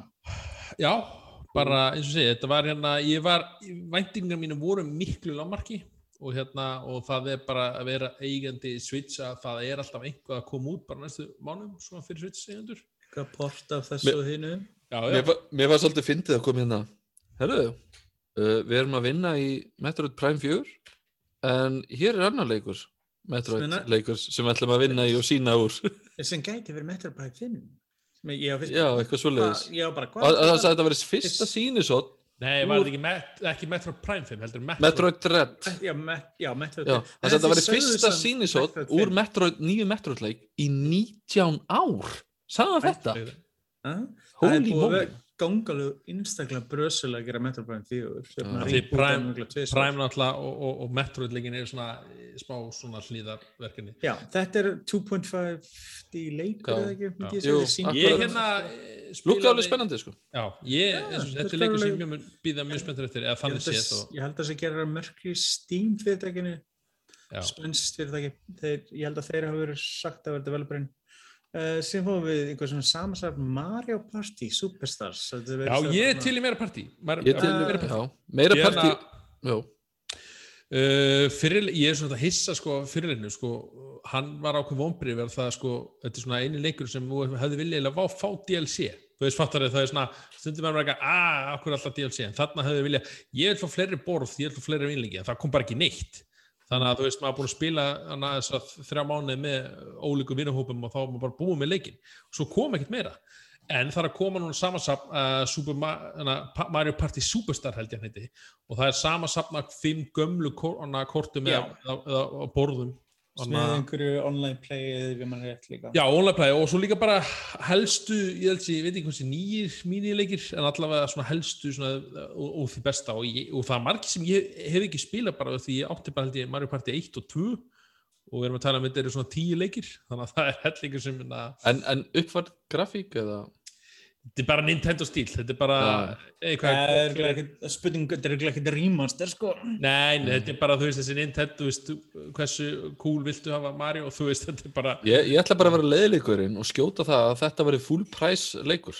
Uh, Nintendo, Eh, full price. 100%. Veistu, ég er bara, bara með guppu bara upp í mér, sko. ég, ég, ég, ég get í Af því ég áttur að kaupa þetta helviti maður, djúvill. Ég mun ekki snert þetta Ég, ég, ég, ég, ég skila það með Anna Skafar Sword en, en þessi er svona, svona aðeins öðru sér, þetta er ekki þetta er, þetta er ekki beint remaster þetta er svona, þú veist, jú, jú, Endur útgáfa ykkur. Þetta er svona uh, Já, þetta er svona bland, þú ert að Þetta er pínu setja-. HD HD útgáfa Þetta er pínu svona eins og vorum að fá á eldri kynslu sko, við erum að tala um, sko, við erum að tala um, sko, þetta er assets frá Nintendo 64, þannig að þetta er, en, þetta er frekar endur gerð remakes. En, en grafíkin er endur ekki alltaf því það var líka hérna að vera auðvisa, ég veit ekki hvort þú spiliðu eldri leikin á Víminni meðan það hefur verið, WarioWare. WarioWare Spilaðu hann? Get, get together Ég, spila eru Hann, hann var skemmtileg, það er grafíkin alveg bullshit, sko, en mínileikin er algjörður snill, sko. já, Hvernig þetta- fannst þér hann að geta og geða þér, eða svona, hann að nýji? uh, fyrir hérna WarioWare. Já, Mér, Fyrst. mér fannst það alveg lukka spennandi, sko. Ég já, myndi ég, alveg, já, Já, þetta eru, þetta er svolítið crazy leikur, einmitt, þetta er eitthvað svona Kristur, tannkremstúpu núna, ó, þú er ógeðslega 5 sekundur hvað er ég að gerast þetta? Það er einmitt sjarmið þess að leiki er hvað sýrðir eru Þetta er- partyleikir. Já, nákvæmlega, þú búin að drekka 2, 3, 4 bjóra, sko þá, þá er ekki hægt að spila þegar liggja bara allir krabba yfir eitthvað, þetta er eitthvað svo fárulegt, sko Mm. En þetta er svo gaman, þetta er svo Já. uník, þú finnur þetta ekki annars Ég- sko Það er eins og ég ætla að spurja því hann að þau voru að tala um alltaf þetta Nintendo pricing og, og verðlækninga Vitið hvað hann kostar? Ég tjekka ekki að ég, Tjekka ekki því já, Það kemur sko- september allavega, veit ég það kom könnun um daginn ándjóks, það kom könnun um daginn sem fór á svona Nintendo. Hversu mikið væri til að borga fyrir nýjan Mario verðleik verðleika 50 dólar, 60 dólar eða 40, ég veit, ég veit ekki Ertu ertu að segja frá official Nintendo eða? ég er að segja það, það fengur Nei fólk- Ég- Hann er, merk, hann er settur á 60 dólar á amazon.com ok, ég er að segja það kom, það kom einhver könnur sem kannski átti ekki að leika til allra, ég fekk ekki könnur Þá var, var, þetta var spurning hversu mikið er þetta tilbúin að borga fyrir varfur og það bara já, Sorry, þetta- þetta er ekki Þetta er 60 fjö- dólar þetta er- leikur, þetta sorry Þetta er 40, 30, 40 dólar á mann Já, klálega. Já, algjörlega Þú verður að Ég- borga 60 dólar þá er bara skemmtana gildi svolítið það er allir vinniðin að hlæja í partíinu af því hversu awesome þetta er en þú ert svona pína sökk í sófanum yfir því að bara veita bara ok, ég keipta nú 60 dólar Herðu, rukka brinn í parti Alveg, alveg svo Mario Golf Góð hugmynd maður, ég þetta. Ma Mario Golf leikurinn líka 60 ekki að segja þetta. Ég, ég verð samt að segja það með Mario Golf ég hef ekki spyrjað Mar- Mario Golf síðan Nintendo 64, mér fannst að það skemmtilegur að ég myndi borga 60 dólar fyrir hann. Já, hann virka, hann virka cool sko. Ég ætla að kaupa hennan Ég hef, ekki spilað mæra góðleiki en ég hef spilað hot shots svona góðleiki Já, og það er þeir eru svona, eru svona þessi rústar þeim öllum sko Er það? Ok. Allavega í gömlu bókinni minni. Ég hef ekki spilað þetta síðan Nintendo 64 hann uh, Give me a break, pínu. Min, minningin er Já, hvað gæti verið. En já, ég, eitthvað- ég, já. ég, sam, ég sammála því. Uh, Mario leikurinn virkar cool. Ég er reyndar, eins og ég segi, ég er forðan að sjá hvernig þeir síndi sér nú Skyward Sword 1 útgáfinni sem ég er ennþá pínu fútli yfir að við bæði fullpressleikur og, að vantar blessaðu 1 útgáfnar á Wind Waker eða Wind Waker og Twilight Princess hefði verið með þá hefði ég getað sagt 60-70 leikur ég hefði fyrirgeðið það Ég heyrði nefnilega með svona, lesa Það er ennþá orður um að þeir leikir koma í haust eða eitthvað haust Já, sko, svo kom annar orðum, ég er alltaf að lesa Twitter, þá kom annar orðum að þeir spara næsta ári, því ef þeir senka hérna leik sem við ætlum að tala um eftir, aha, ef hann en- senkur áfram, þá hafa þeir seldatitla til að Já, en á móti kemur það 35 ára ammalið er núna, ekki næsta. Já, það er þetta Aha, rétt sér, en það, er, hefur engi fengið svona jafn sjarma útgáfu og Mario. Var, við erum að sjá Metroid, Donkey Kong og Amelie líka, þú veist, það er enginn að fá þessa hana, hilli eins og Mario fekk, þú veist, þannig að En þannig það nú. En en að, Nintendo eru spes. þeir eru spes, algjörlega. Það er, Það er líka það sem er gaman við þá fyrir utan the pricing skilur en Já, all, já, allt hitt er bara mjög skemmtilegt. Það er svo, óþægilega hann er komast um Þetta er svona, svona með fræði fyrir er- Shut up and take my money. Þetta er það, algjörlega. Það er svo fyndi líka að sjá einhverja menn á 50-60 aldri í jakkafötum hérna að kynna eitthvað og svo Já. með alla fíkurunum versta ég var að horfa á það YouTube live og, og, og átíu var át og sync. Það var það eftir og er gott þannig að útvart þegar það. er sem ég ætla að lýsa fyrir ekki að smellan var eini sekundu eftir sviðsljónu þetta var eitthvað að passa ekki Mér fannst reyndar uh, leikur sem ég listi vel á, þó ég veit ekki hvernig verður, er að endurgerðin af Advance Wars, ég, man eftir ég spilaði þannig slatt á já, DS. fólk var að missa sig á honum. Ég er svona já, Ég, ég misti mér ekki beint, en mér finnst það forðanlegur, en já. Býtu hvaða leikur segir þú? Advance Wars. War. þeir eru Wars. endurgerðin af Advance Wars 1 Já, og 2, já, já. einmitt Já. á sek, annars 60 dólar leikur, ég er ekki saman á því verði heldur, en Og sumir leikir sem ég bara vissi ekki þú veist eitthvað Danganronpan eða eitthvað skilur ég veit já, ekki hvað er síðan að er tala um hérna sko. alls konar dót sem mann finnst bara, þú veist, helber Láttu mig við friði sko já. WarioWare er 50 dólar í bandaríkan 50, ok aðeins Fatal, Frame horror hryllingsleikur. er þetta nýrleikur eða er þetta, er það ekki, þú horfður á þetta, segð okkur. Já, ég, ég bara þekki Ég ekki Fatal Frame, það er það sem ég er ég Já, var- suma kynningarna voru líka svo stuttar sko. Já, já, Mjög mikið af þessu var bara video og release date búið Það sýnist hérna, ég er að, hérna, hvort það hafi verið á Wii U einhver titill eh, og sé eitthvað svona, þessi heitir, já, Fatal Frame Maiden of Black Watch það var gerður leikur á Wii og kannski og já, þetta er eitthvað, eitthvað þetta er svona, að þetta er ekki alveg nýrleikur, þetta er svona að vera hana, endur bætt útgáfa. Já. Eh, Svo náttúrulega, já, við erum alltaf Endur að þetta, þeir síndu DLC fyrir Hyrule Warriors 2 Já, ég, já, ég svo smingan á því en Mario, Mario Rabbids náttúrulega kom aðeins eða hana, bara annar, annar trailer en hana, Mm. og það er og svo náttúrulega rúsínan í pilsendunum það sem allir eru búin að vonast eftir. Þá var náttúrulega ge gæsa út um allt eða, st- í, já, það var náttúrulega hérna The Legend of Zelda Breath of the Wild framhald. Oh yes, looks Ég var sinns að horfa á maður trailerinn svo tíu sinum ég er búin að rýna allt í hann Ah. er það? Af með, hverju- með eitthvað juicy bits? Já, ég segi af hverju linkana sem er í skíunum þannig að það var, það var ekki að tala um eitthvað með segja aldrei framan og hann er með svona messi hár því ég fann að halda að þetta sé ekki sami lík hvort það sé svona time travel stuff mm. því við sjáum Mm. báðar útgáðanar í trailinum veist, eitt sem er í bláfötunum og, og ég veit ekki hvað er málið með þess að allt einhver, já, Fari, fari borgin- gegnum hlutina þarna? Hvað er það? Skyward Sword þema bara aftrykkingi eða? Já, svo náttúrulega, já, já, skal, svo, já.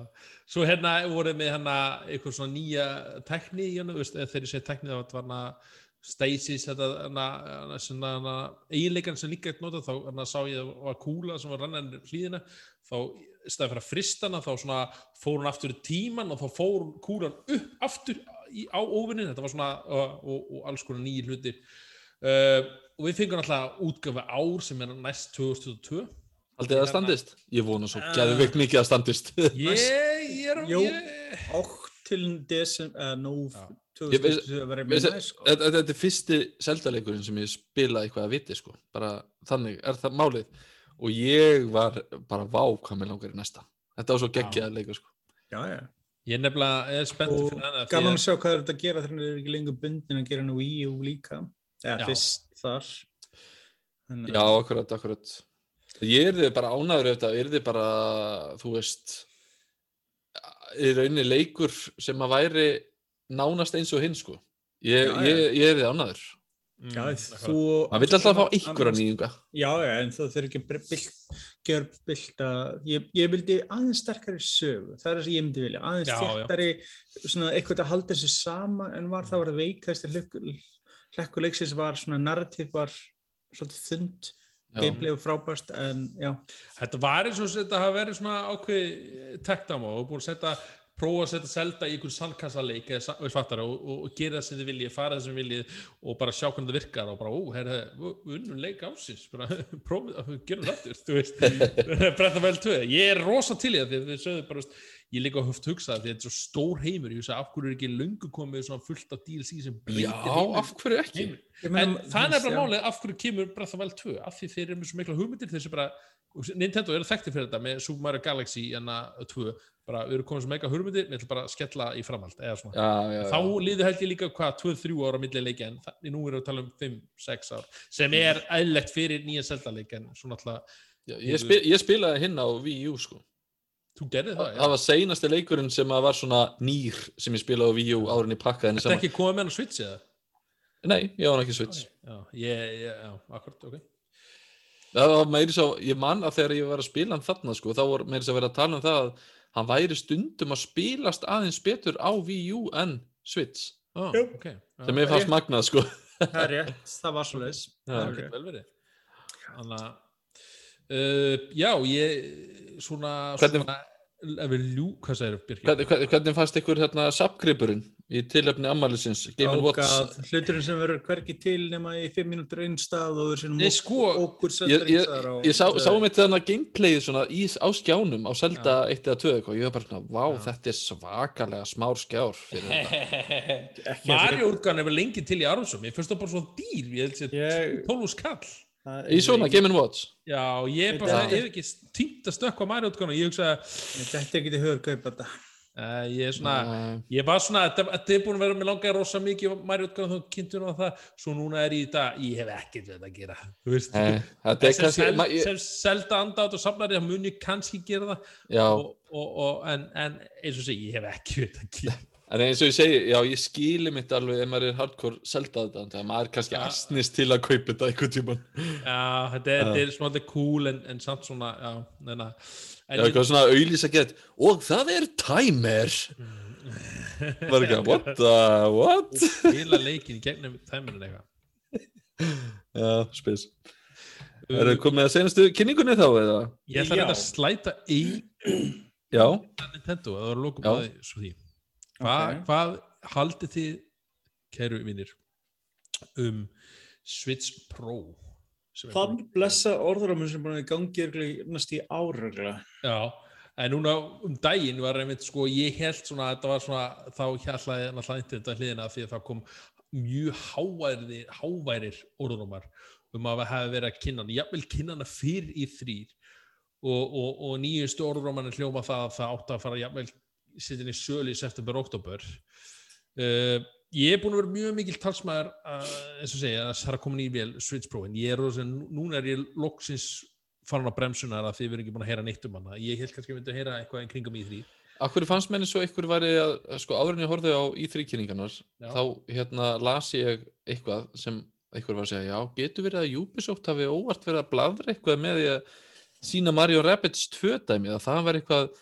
slúður um, um, um, um hérna, Switch Pro-vél eða eitthvað svoleiðis. Ég, ég var eitthvað að horfa á þetta og ég er eitthvað að býtu, hvað meinaði, hvað, ég sé ekki, Nei, ég veit ekki hvað ég, það var hafið þið heyrt þetta, sem sagt? Nei, en það var hérna það var svo fyndið með hérna eitthvað þetta Rabbids því að það var ekki búið að leka neitt með Rabbids og hann var að kynningu þó maður kannski kelt kannski að væri eitthvað vendum Nintendo set, settu á official Nintendo sína upplýsingar um Rabbids áður en kynningi var. Bara, veist, að koma næsta ári og það bara, þannig að þeir lágu bara eh, sjálfur, Nintendo sjálfur bara að koma nýri Rabbids leikur og, og þetta var svona, ég held að sama dag kynningi átti að vera, það bara "Oj, takk Nintendo en, en svo var einhver að djóka ég sá eitthvað á einhverjum síðu hvort það var á Nintendo Íslandi eitthvað þá sagði einhver hérna já, hérna, Ubisoft munur hefna sín og, og, og kjafta frá Switch Pro eitthvað svona eða þú veist, e, já, ég, og segi ég er svona er á Ég- bremsun núna ég, hérna, ég, ég myndi halda að það væri allavega eitthvað þá verið að tala um það núna. Þeir voru að mitt í viðtali við hann að Doug Bowser sem er hann að fórstjóri fórsetið Nintendo í Ameríku þá voru tvei spyrjun um þetta og hann, hann alltaf svöruna svo hann alltaf að- auðvitað að dodja do, Nintendo verður ekki hreint í sörum. Já, þeir veist, hann sagði svona, náttúrulega bara um, þróun að að Nintendo sækir í það sem þróun hefur fyrir þá, eða hvað getur, eða hvað getur þróun gert fyrir okkur, tækni fyrir ekki, tæknin, hvað getur tæknin gert fyrir okkur, ekki hvað við getum gert fyrir tækna, eða skilur fattið, þannig að Já. þeir eru ennþá er bara ná, og það sem er búin að heyra, náttúrulega, ég heldur sem búin að tala um þetta með OLED-skjáun og hvað svona, en eins og held að segi, margt að þessi sé pínu Mm. óskækja, ég verði ekki með það, en alveg svo Já. upplistin, ég held að það verði bara betur útgáfa, en, En, en þetta, þetta er fymta árið hjá Switch sko, og hvað meðal líftímin er um það byrj 7 ár?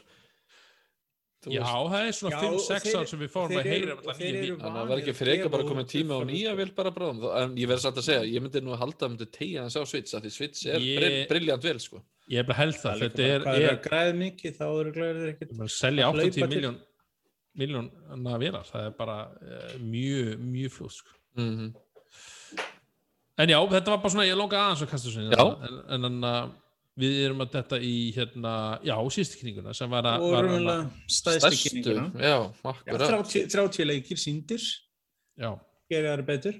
27 af þeim á Game Pass. Jep. það er svolítið, já. En uh, Microsoft auðvitað heldur áfram að styrkja við Game Pass þjónustuna sína. Ég ætla að vona það og sem sagt auðvitað núna var mikið eftirvending og beðið eftir vegna þess að fyrir nokkru mánu síðan þá gengu Microsoft frá kaupunum á Bethesda og já, öllu því sem því tengist og öllu fyrirtækjum sem voru innan Bethesda armsins. Þá ok. ófá fyrirtæki sem þeir voru búin að kaupa sjálfur áður það var samiðileg kynning Microsoft of Bethesda, mér finnst það Yep. svolítið krútlegt sko Já, það var algjörlega það er eiginlega eina sem meikar sens svona því að þeir náttúrulega eru svo til að bara vera stærri sko. mm já, Já. en, vera með sér kynningar hjá þeim hana. Það er hana, en ég segi, auðvitað vilja þeir hampæm þeir voru ekkert að spreða 7 biljón dollarum í, í dæmið þeir ætla ekki að nota eitthvað og þeir byrjuðu stert bara með að fyrsta sem þeir síndu var Starfall Starfield, var það ekki? Starfield Starfield fyrir ekki, ég var að horfa á allt annað sem Skyfall, ok. já. Uh, já, Starfield, þeir byrjuðu þar, þetta er, var sagt að þetta var keirandi engine, þetta er uppfara creation engine þeirra Mm.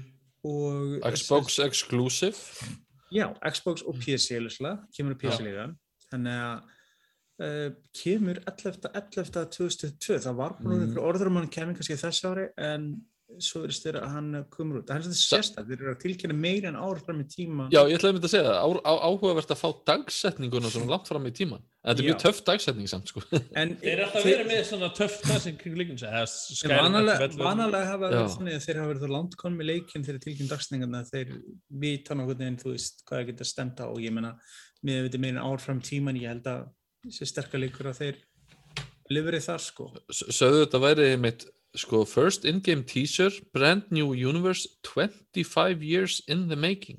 Já, alltaf svona leika sér orðum býn þar, en já, en þarna er bara strax En- búið að búa til svaka hæp sko. Þetta er búið að vera- 25 ár.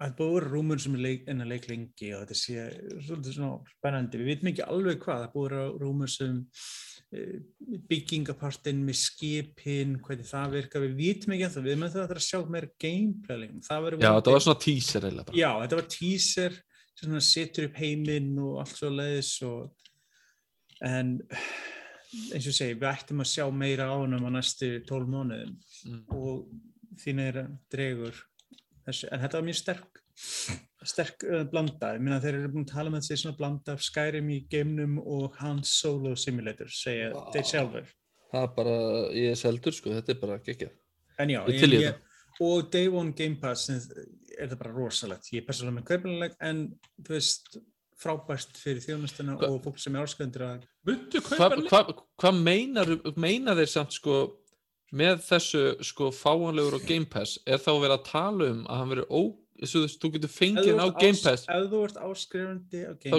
Pass, fengið þegar þessi leikinn. leikur ke- Já, þannig að, frítt. að þeir eru að fara þessi, svakalega grimt í þetta þessi, maður þessi, Shit. 20, þessi 27-30 leikin verður allir available day one ok, það, þetta, er. Netflixið þetta verður fyrsta stóra Þeir- Netflixið þeir, þeir eru, þeir töluleikina eru sko. pínu að rúlla yfir Sony þegar kemur þessi PlayStation. Now til samverðar virkar ekki betur þetta verður einmitt, mjög stórt eftir fimm, fimm ára eða eitthvað. Þetta er, svona, þetta er svona eins og ég mátt að hugsa með Game Pass þetta er svona alltaf, þetta er held ég Sony, eða, nei Sony fyrir ekki Microsoft er eina fyrirtæki að markanum dag sem getur tekið þess að sjensa af því að þetta er, sko, þeir eru ofta að borga sko, leiki fyrirtækjum til að fá leiki svona Game Pass. þú ert þetta að borga með eitthvað í staðin fyrir þetta, þú ert ekki... Já, ég segi Alveg sumir Epic segja eru- bara, sumir segja við erum að fá meira fyrir Game Pass heldur en við myndum selja þetta búð. Ok, við tökum dílum ykkar, fattu Já, já, og líka það, oft eru leikið þannig þeir eru Game Pass, en fólk getur kipt DLC eða eitthvað auðvitað Já, já, já. Svo því fleiri sem snert á leiknum, því fleiri líkur einhver kaupir hann,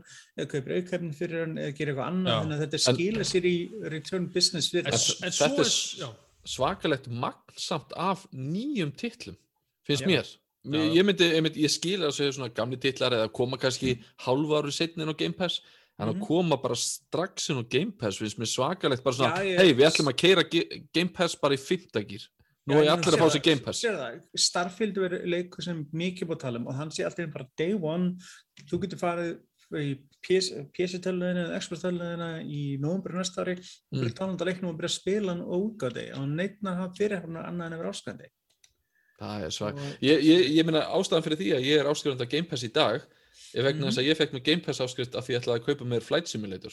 En það var, Já, sem kostaði 60 dólara eða hvað, hvað er þetta, 1 til 5 dólarar eða eitthvað á já.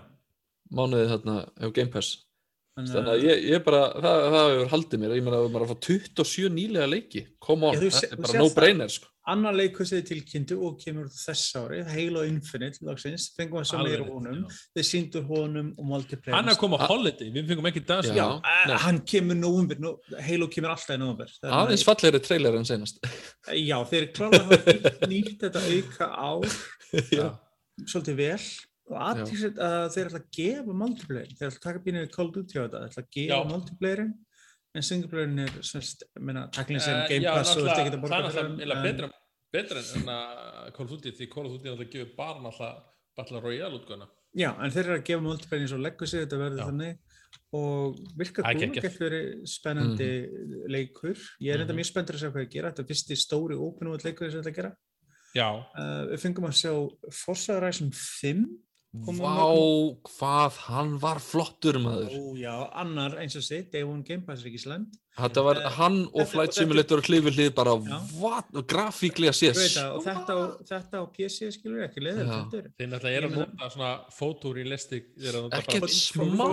Fotogrammiti eru það það sem er svo mikið í öllum nýju grafíkulónum Unreal og öllum þessi vélum er þetta það sem er verið að nota. Þeir eru Eh, að taka bara mynd- já. Gerist í Mexiko sem er svolítið skant það er að Já. mikið orðarumur um að Japan verði, en kannski er það st- stærsta mappi hinga til og það verður svona Já. eitthvað svona hægt að fara hans meira frjálslega uh, um, um Já, svæðinu. það er eitt af sem skemmtilegast við Horizon-leikina er þetta opna frels að geta farið þess að vil á þess að sjá nokkuð til loading screen eða neitt og geta bara hoppað inn í keppnir og hvað sem er með öðrum Og það er einn að nota gerfigreindina svolítið til að fatta hvernig þú spilar. Svona, hei, ert þú mikið fyrir Það- mínileiki þeir, þeir hafa alltaf verið góður í því að Já. populata heiminn með NPC sem virka verðbál Mhm. og hann er að koma í november þessa ári sem er Mhm. skemmtilegt þeir eru ennþá að vinna síðan af alvöru forsaleik sem er svona Gran Turismo típa, típa leik sem Það er ekki þá að vera að skiptis Jú, en sko þetta teknilega sé var, var komið að forsa en þeir ætla að sé auðvitað að taka lengri tími hann og ég myndi alveg að hann sé full on next gen leikur og ætti að koma þá þetta svipaleiti á næsta ári. Uh, við fengum síðan að sjá uh, endurgerðan Diablo sem er að koma uh, í Já, september.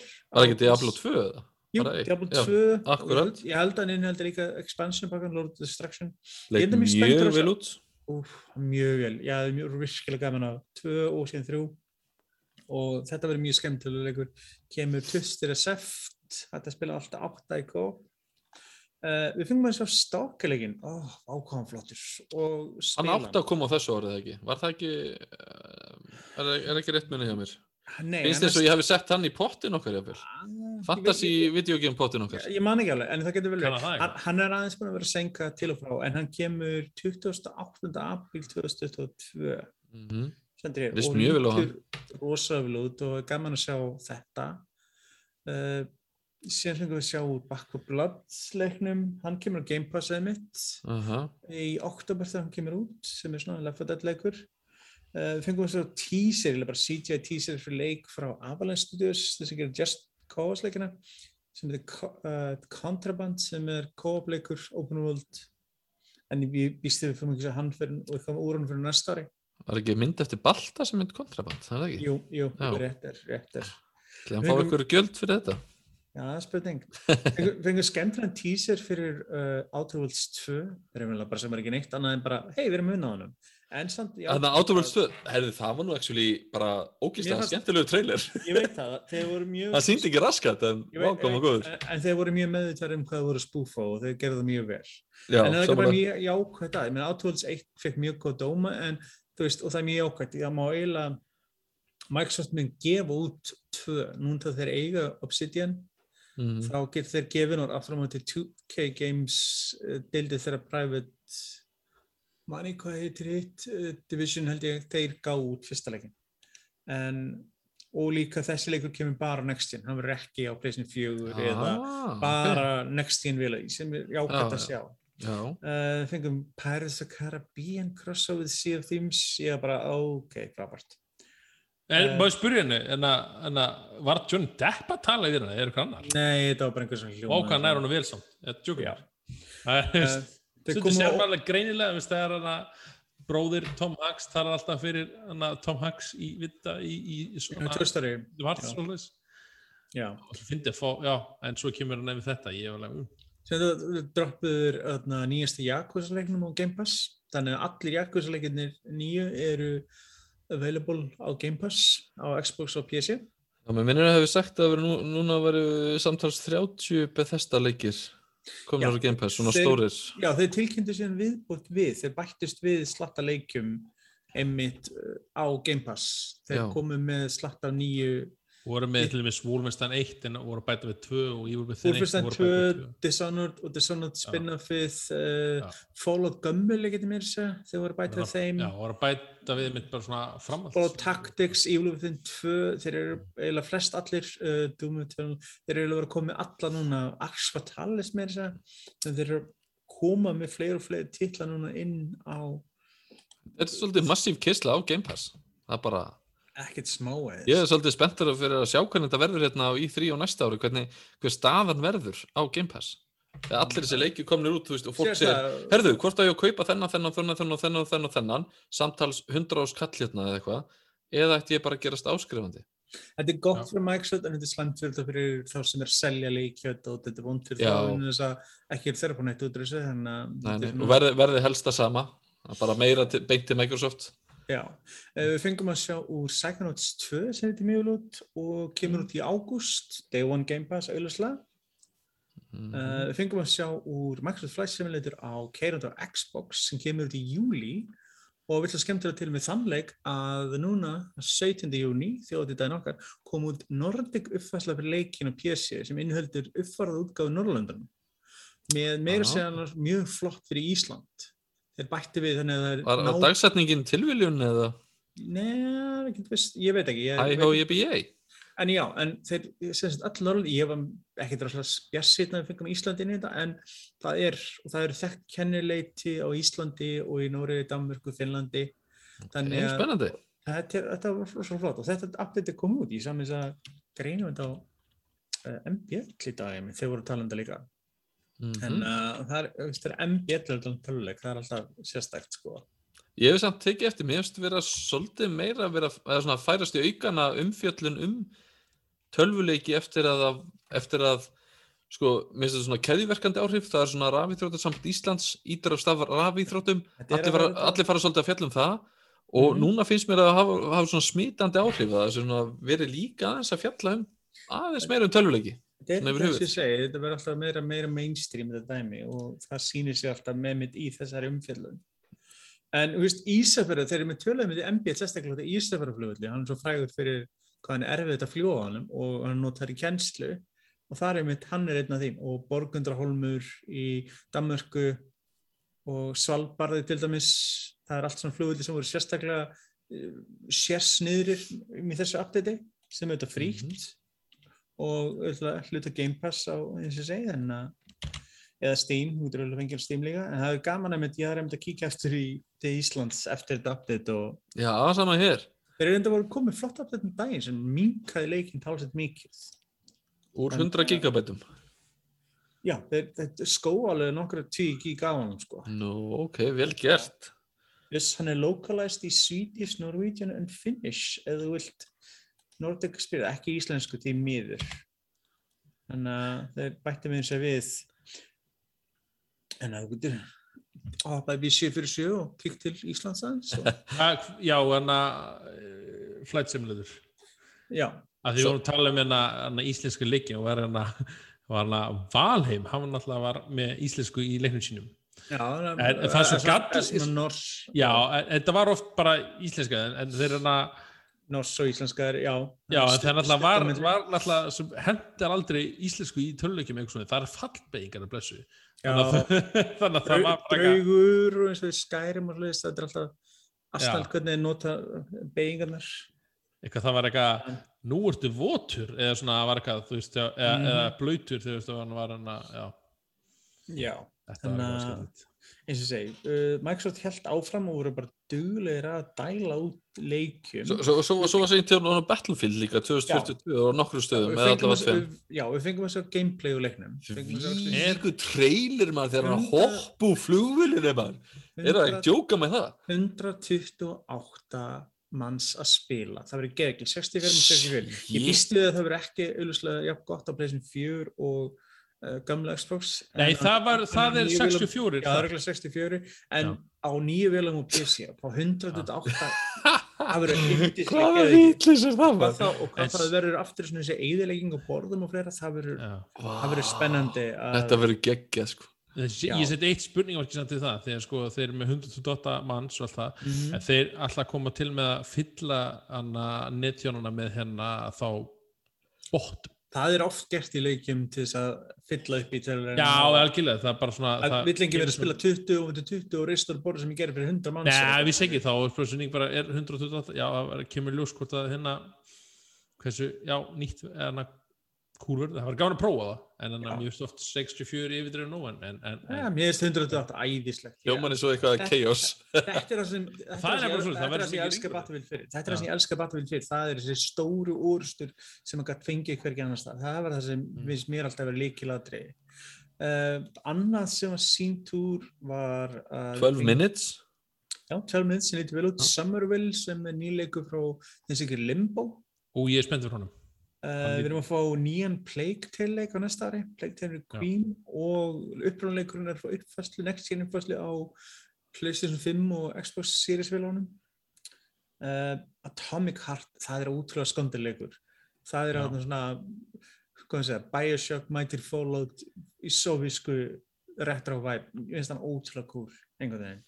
Ég fannst þann, já, mér fannst það alltaf, mér fannst það alltaf töff en, sínt úr húnum bara eh, því síðast ári, um, um, bara svona sint og síðast ári, þá síndir einhver trailer þar sem þú varst bara með eitt vopn, svona, svona sverðið eitthvað mílíf og, og varst það svona já, hann var að nota það bara í allar trailerinu, ég bara, eitthvað, en hvar eru alltaf svona klikkuðu byssunar, eitthvað svona skrítnu vopnin og, og veist, Er þetta leikur sem ég gerir að mjög litlu stúdíu og maður svona, þú veist, það er alltaf að taka til þess, en þetta getur verið svona skemmtileg gullmól, ekki verið algjörlega, ég er svona Pass ég var, hann er mjög sýrður allar trailer sjá hann, ég er fórhundan sjá það Mm. en hann var Battlefield, var hann Game Pass, ég man ekki um því Nei, hann er ekki Game Pass. hann Það var- fáum sem Game Það var búið rúmur sem hann yrði en eins og er lítur ekkert frá það. Uh, Game Pass leikur áttum og eitthvað sem ég er búin að vera að býða mjög spenntur, þetta er Hades. Hann er að koma út á uh, Xbox og PC Game Pass í ágúst og reyndar á PlayStation 4 og PlayStation 5 en eiginlega ekki hluti af þeirri. En ef þú ert með Game Pass á hinu konsolum þá er, getur að spila Hades Geggjað. sem ég er búin að vera mjög spenntur eftir. PC líka Já, nice. PC Game, PC Game Pass. mér skilst að PC útgáðan og Switch vinna saman Já, öruglega. Microsoft er ekki með neina takkmarkunir á því, þannig að það er aldrei verið issue. Eh, Nei, það er bara geggja að geta geggja, það er svona að vera með þetta í PC og, fara svo Switch ef Mhm. þetta er þannig sko. Age of Empires 4 er sem komið til oktober á þessu ári Mm. á. PC Já. og hann er þetta Game Pass. Þannig að ég hef segið að Microsoft voru með svona þá kynningu sem virkaði mest svona sem maður er vanur að sjá. Sammála, þetta þetta var stóra kynningin þar sem að fekk svolítið djús Það- og, það- og, það og nýja það- fréttir og það voru flotta leikir, trailera leikir, leikir og við fengum að sjá ímislegt og, Og bæði þeir sem er og þeir, þeir myndu okkur sveit hvað, á, á, hvað við erum orðin gamlir Xbox og, og, hérna, haldur upp á 20 ára ámáli sitt á þessu ári? Ég man að þegar ég kefti fyrsta Xbox-töluna mína eða ég sá fyrsta Xbox-töluna í Háköp í Smáralind og sá Dead or Alive 3 það var rosalega flott. Ég meina maður hefur verið að spila PlayStation 2 og sér sá maður alltaf þetta og hún bara tvistum kraft með maður bara, wow Ég er bara leitt fram í Xbox þá til að Xbox 360 kom þá var ég alveg ástangin sko. Já, Halo maður, Halo 1 náði náði mér strax, það var málið uh, Við fengum að sjá annan leik síðan uh, Já, í lókin end- endaði á Já. nýjum leik sem heitir Redfall og gerðir á Kane Studios í uh, bandarækjanum og sama og gerði Prey rebootið og þetta er sem sagt svona, hvað hann sagði Mér fannst þetta minna mig svolítið á svona semi-left for dead stemningu nema með vampýrum mm. Það er voru, það voru fjórir aðilar, er þetta ekki co-op? Jú, þetta er 1-4 Já, og þú veist, einhvern veginn að berjast á mótið svona hort af vampýrum Já, en karakterinn er geggjaði sko. Já og líka Arkane gerir mér skemmtilega svona óbrúnult leiki og ég er mjög spenntur að sjá hvað það gera með þetta. Uh, Hann er tilkynntur fyrir næsta sumar 2022 Mhm. og er exclusive. Það því að hann kemur, alveg svo Starfield þá kemur hann bara á Xbox og PC Mhm. þannig að einn getum bætt þessu í listan yfir leiki sem ekki uh, Sony er aftur um með Jú. annan leik frá sama framleiðanda bara í Fraklandi og þá er Deathloop. En ég myndi veði að hann Redfall lukkar tölvert skemmtilegir eða svona Já, áhugaverðar Deathloop er meira svona, þú veist uh, The Prisoner Mighty Dishonored en mér líst vel að báða leikina. Já, En- ég lakka til að sjá alltaf meir úr Redfall, ég er svona, þetta var alltaf bara svona Já, en það var Hann lúkar fyrir að vera starri allavega. Já, já, hann virkar Já, alveg já. og líka, þú veist, það, þegar hann er, ef hann er next gen bara þá þetta græðir hann því að vera ekki bundin niður af eldri vélum, Já. Mhm. þannig að þú veist, það er líka pluss, en ég vil segja að Microsoft voru með mjög þjætta kynningu, það var slatt af títlum, bæði sem það kom út á þessu ári og næsta ári, En horfður á kynninguna eftir þetta? Hvaða bast, ég... Þannig að það- kynningin, hún var bara shutdown, hún bara hætti. Svo maður beið, svo maður beið, þá kom ein kynningi viðbútt. Þetta var það ekki rétt? World's most powerful mini fridge. Ég mist af því, ég mist Xbox mini fridge coming holiday 2021. Já, brandarinn sem er búin að vera með, eða talva lífið út þessu Xbox maður, já. Þeir bara Ég- play along, þeir ætla bara að vera með þessu djóki. Þeir eru búin að ta- taka þennan húmor hressilega og eru búin að leika sér mjög mikið á honum. Það gegga. Nei, ég meina ef hann er jafn hljóðlátur og Xbox-vilin sjálf þá er Já, það bara nákvæmlega. minnsta mál sko. Svo vel valla er í bíbíni samkvæmast að gera. Þannig að hún getur spilað leikina í 4K 120 römm að sek, ég veit það ekki en. Hann heldur alltaf björnum kvöldum. En ég meina, alveg til að vera með eina litla Xbox-spil. Kæli við hliðna mér. Lú- Lúkaði alveg töf, sko. Geta tekt mig í, það var ekki verra. En ég er að segja, Microsoft, ég saknaði rosalega þegar ég var að horfa á þessa kynningu, ég vantæði hitt. Já, ég sammála. Sony. Ég vantæði Sony þetta, var- það voru með rosalega stjætta kynningu, nú vantæði mig hina liðina og þá var ég komið mig í þrý minn. Já, þeir, þeir eru, þetta er svona yin og yangið og svo er Nintendo með svona sitt alltaf. Já, og síðan allir third party og ég er með, þú veist, Mér fannst þetta tómlegt en ég saknaði þess rosalega mikið. Algjörlega, það voðalega er bara eitthvað, á mánudegin, mánudagskvöldi sitt, það er að Sony kynningin Mér fannst mjög skrítið að Bakandi það var tvö nóttuna var á Sony kynning verið annarkvæmt með vonbröðum eða, eða, eða verið þetta, ó þetta er geggjað, þú veist. Ég er alveg með það er hana Mm. talað um Sony kynning, ég, og svo fyndi ég verið að koma eitt staðrætt og svona tengist þessu bara ekki beint, en það er munið þeir síndu frá God of War. Eða hérna Þetta meina nýjasta? Nei, nei, hérna Nei. síðast hann að þeir kynntu á í þrýr hann að God of War leikin hann Já. þá voru með kór sem var að syngja hana þemalæð og Já, ég fór eitthvað að hugsa um dæna því að uh, þeir náttúrulega veist, er að reyna að tala íslensku í kórnum eða eitthvað svona og ég bara ekki að þeir hafa, ok, ég held að vera svona erlendur kór að reyna að syngja um íslensku Mm. og, og, og þetta kom bara, ég bara ekki þess vegna skildi ég ekki lægið eða þetta ekki lægið en svo þegar þeir komu um til Íslands þá hérna, hvað heitir aftur hérna kórin Bjarki, mástu það? Sem að syngur þetta, hérna, Já, Íslandsi kórin. Já, Nei, ég man það ekki, eitthvað, eitthvað í Hallgjörnskirkju. Jó, ég veit, ég gleymi alltaf hvað hann heitir, mér þykir það miður. En svo sem var kórstjóru þar og fekk textan, hann þýtti hann á íslensku.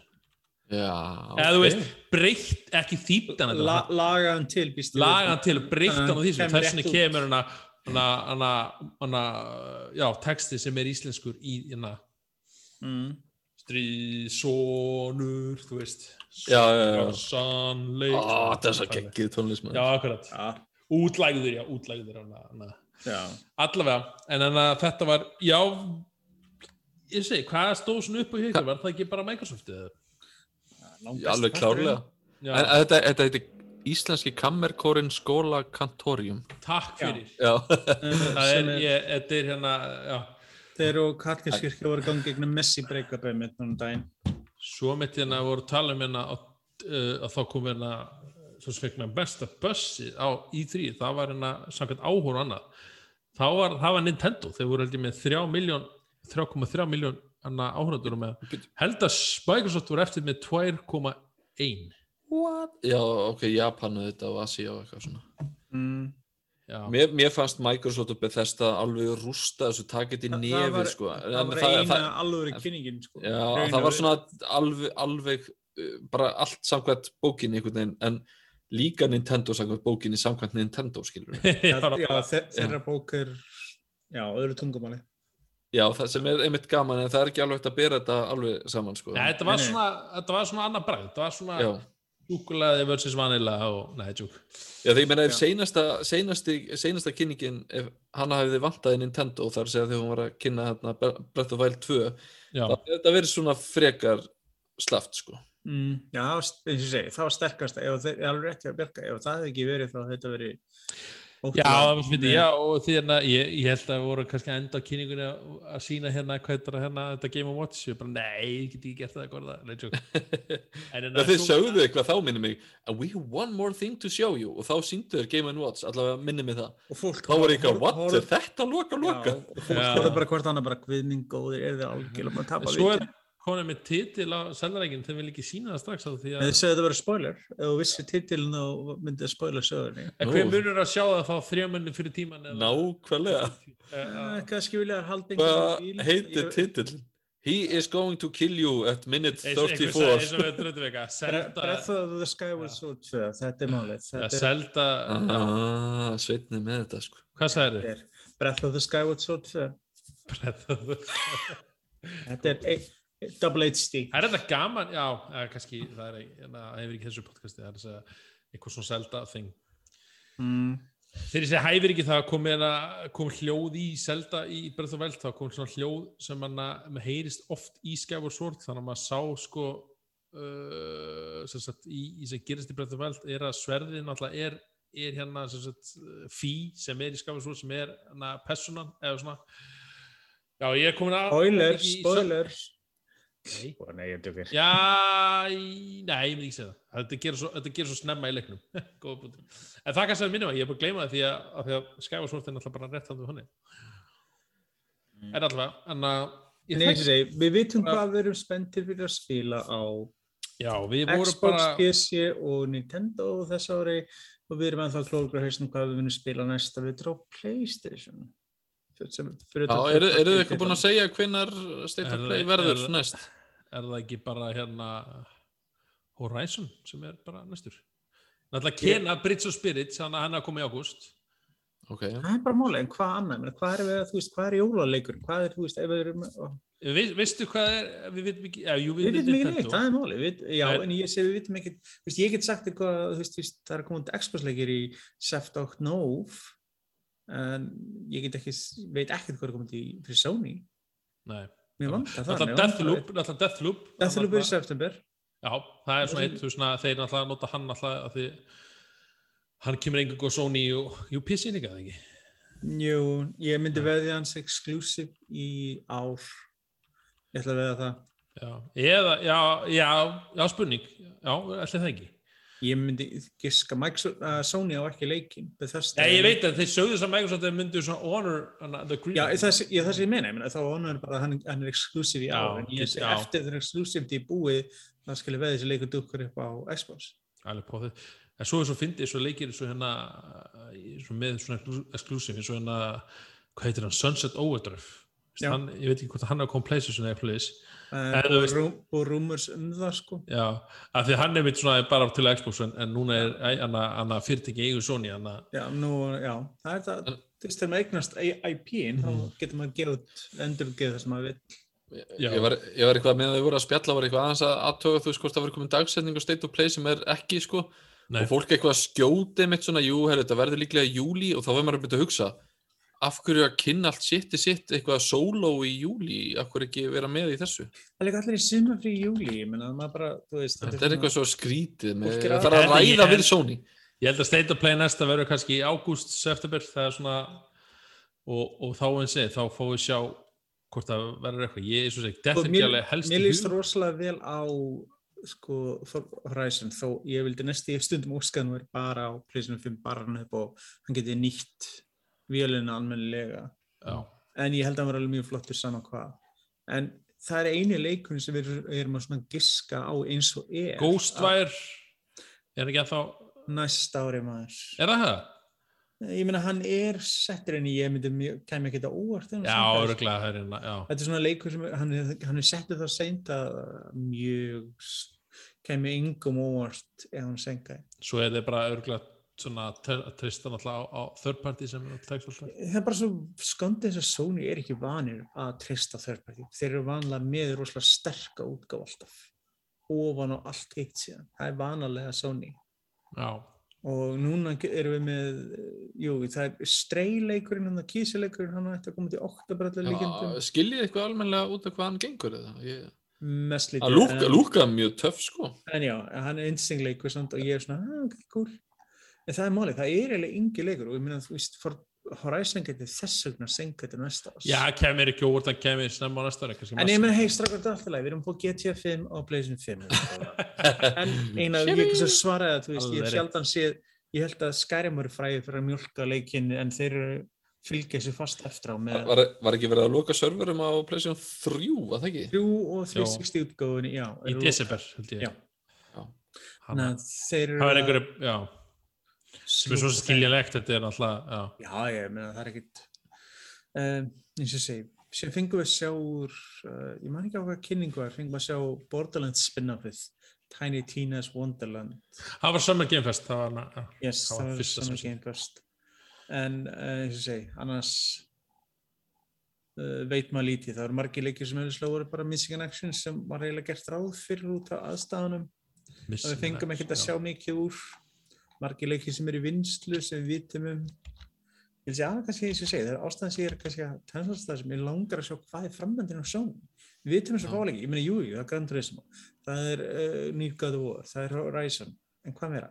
Erum við að fá nýjan Infamous, erum við að fá nýjan það er margar seríur sem þeir eru með sem við hefum ekki séð í smá tíma. Ég held þeir segja alltaf nýjast orðum, eða að beinti þeir, segja, þeir segjast þeir með plana stærsta game library fyrir PlayStation 5 eða veist, Ég, trú alveg að það geti gert það, sko. það er bara, maður bara spyrir hvað er það að gera, af hverju ver- er þeir Verða það ekki að koma með eitthvað mótspil einmitt fyrir Game Pass? Verða það ekki að koma með eitthvað svona... Það er búið Jú. lengi að vera orðarum um að Sony að hýfa upp þessi brækvöldin þar. En ég meina þeir eiga það mörg stúdíu, ég meina þeir eru með Sucker Punch, Santa það sem Monica er alltaf við Sony, sem Sony hefur fram yfir eh, Microsoft, en hvað þetta var sem þeir eru ekki alveg tilbúin að gera er að þegar þeir gefa út Spiderman hann selur 10 miljonar eintök við erum að tala um, þetta er 60 dólar leikur. Uh, ekki, eh, stundum áslæðið svo lis en ef við talum um Game Pass þá er alltaf það svipað en það er alltaf bara það er Já, bara- en, en til lengdar hugsa Microsoft þeir eru græða það mikið áskriftinni að þetta kemur út sem sama. En Eh, Microsoft er ég, með ég, það er nefnilega spurningi, ég veit það ekki. Um, Já, að- svo- svo- svo- per en- leik sko, per En, leik. en leikir, sko, ímyndaði mér er ekkert þetta er það að þú- Netflix að leikur er kannski fer eftir sex mánuði, þá kannski fer hann út og þú, eina sem maður er bóðið er að kaupa hann, sko. Þessi En þess og vegna eru það- já. lækka í verði, mátti ég glemma því, ok, tíminn lendök, en þeir seldist ekkert allar 60 dólar. Nei, nei, nei, nei, algjörlega, nei, en það er samt, Það þú er veist, málið. já, það er, ekki, það er ekki það, það er líka það að þeir lækki verði og uh, fólk er að pikka upp leikina sex ég mánuði tala eftir ekki, að ég koma tala út ekki og um árið að eftir að Last of koma út. Jú, eins og ég segi, Sony hefur alltaf verið mér sterkur í þessu, það, það er rétt. Þessin er ég svona, þess- þessin er þeir sko, ég held þeir svona, eins og ég heyrði að hlusta á öðru podcasti, þeir eru búin lengi verið bara svona á hliðalínunni, er þetta fara að virka hjá Microsoft, skiljið, fattar ég það, því að þetta, er- þetta er sko hjá Microsoft, þetta er svona annarkvæmt break or lose, þú veist, segjum bara eftir þrjú ára, bara okkur langar rosalega og mér langar rosalega Game Pass virki og ég trúa því, en svo getur vel verið þrjú ára, eins og segja, það er alltaf Resident Evil hana, Village, hann alltaf var ekki Game Pass. Hann er strax komin afslátt á Xbox af því að hann var ekki að selja en eintöku á Xbox. Ef þú veist, Það er, versus það, er Að- Cap, en það er Capcom sem ákveður það verð ekki Microsoft. Nei, vísu, en þeir sjá bara, ok, við þurfum að lækka verði, af því við þurfum að selja hann og, og við vorum ekki tilbúin að gera hana, hana, X, hana, við vorum ekki að fá nóg mikið í, í hana, Game Pass stilnum af því að þeir fá X mikið frá Microsoft en það er spurning hvað þeir fá það tilbaka. Sko máli er mismunur samt á Sony og Microsoft er Microsoft getið getið allan hennar kostnaði eins og ekkert það er nefnilega máli, það er Sony nefnilega gæti ekki gert það, þeir myndu bara Nei. hausinni að gera það, er bara máli. Sony er búið að vera svona tæfti gegn árin Mhm. peningalega séð búið sínu til þeir eru búin að vera svo, og svo er líka spurning að það á að að við, það, hér bara áengin liggur við Xbox þannig að þú veist, ef, og kannski fólk er kannski ekki með leikja PC heima á sér þá er Game Pass ekkert spennandi af hverju sendum við ekki Phil Spencer bara hann að kvæta eitthvað skilabóð og byggja hann um að selja véluna á Íslandi Ert þú ekki á Twitter, Daniel? segið það. Já, Daniel, hvernig væri það? Bara að segja bara, bara, bara we, you have Microsoft outlets, please það væri þetta geggjum Mm. að virka já, dúð maður, það voru að heyra í kallinu maður. Skilji okkur eftir í kuldanum, það gengur ekki. Nei, segðu það á Íslandi Heyrðu, þetta var, við erum búin að fara við völl í þessum þættu, hérna í því þættunum okkar hérna, og, og eins og segi, við vorum allir svona við vorum ekki nógu hressi með um, í því uh, í ár Þetta er eins og segi skrítið ár. Já, þetta er, þetta er, þetta er eins og segir, maður er að fá líka eins og segir, maður er að fá hérna eins og segir, svona upplýsingar leiki á, á, á mismenn öðru sem hátt núna bara sístu þrjú árin, þú veist uh, einmitt með Sony og annað þannig að, já, eða hvað sem maður líkar það betur að verð, sko. Þannig að, að þetta er svona breytast uh, því miður, en eh, vonandi maður, ég held þér svona næsta ári ég mun alltaf vera mjög mikið bremsunum yfir næsta íþjók það er svona uh, Við, við munum ennþá bara að sjá áhrif COVID á næsta ári, það segir sjálft Já, að við já, ennþá að finna fyrir, leikir verða lengur í á leiðinni en þeirra oftur áður út af það er svo fyndi hvernig þetta byrjaði mitt fyrir COVID, það var að, veist, að fullt að leikjum að koma út og, og svo, svo gerðist svona, sem voru komin langt í framleysli og núna eru loksins sjá svona na, einu, einu hálf ára síðan, að ok, nú þurfum að fresta af því það er, Já, ég líka við erum að díla við það, þú veist að það er líka svo skítið, þeir gáðu út leikindalum, maður mað var alveg mörgum stundum á tímri, hvort þeir myndi bara senka vel á Já, nákvæmlega. Þegar það, því þá var þetta faraldur mjög bara hátt uppi líka. Það sem ég meina og maður bara hugsa með sér, þú veist, er það bara í hröfu bara að gerast þegar erum við að sjá Já. að þessar vélar eru að koma út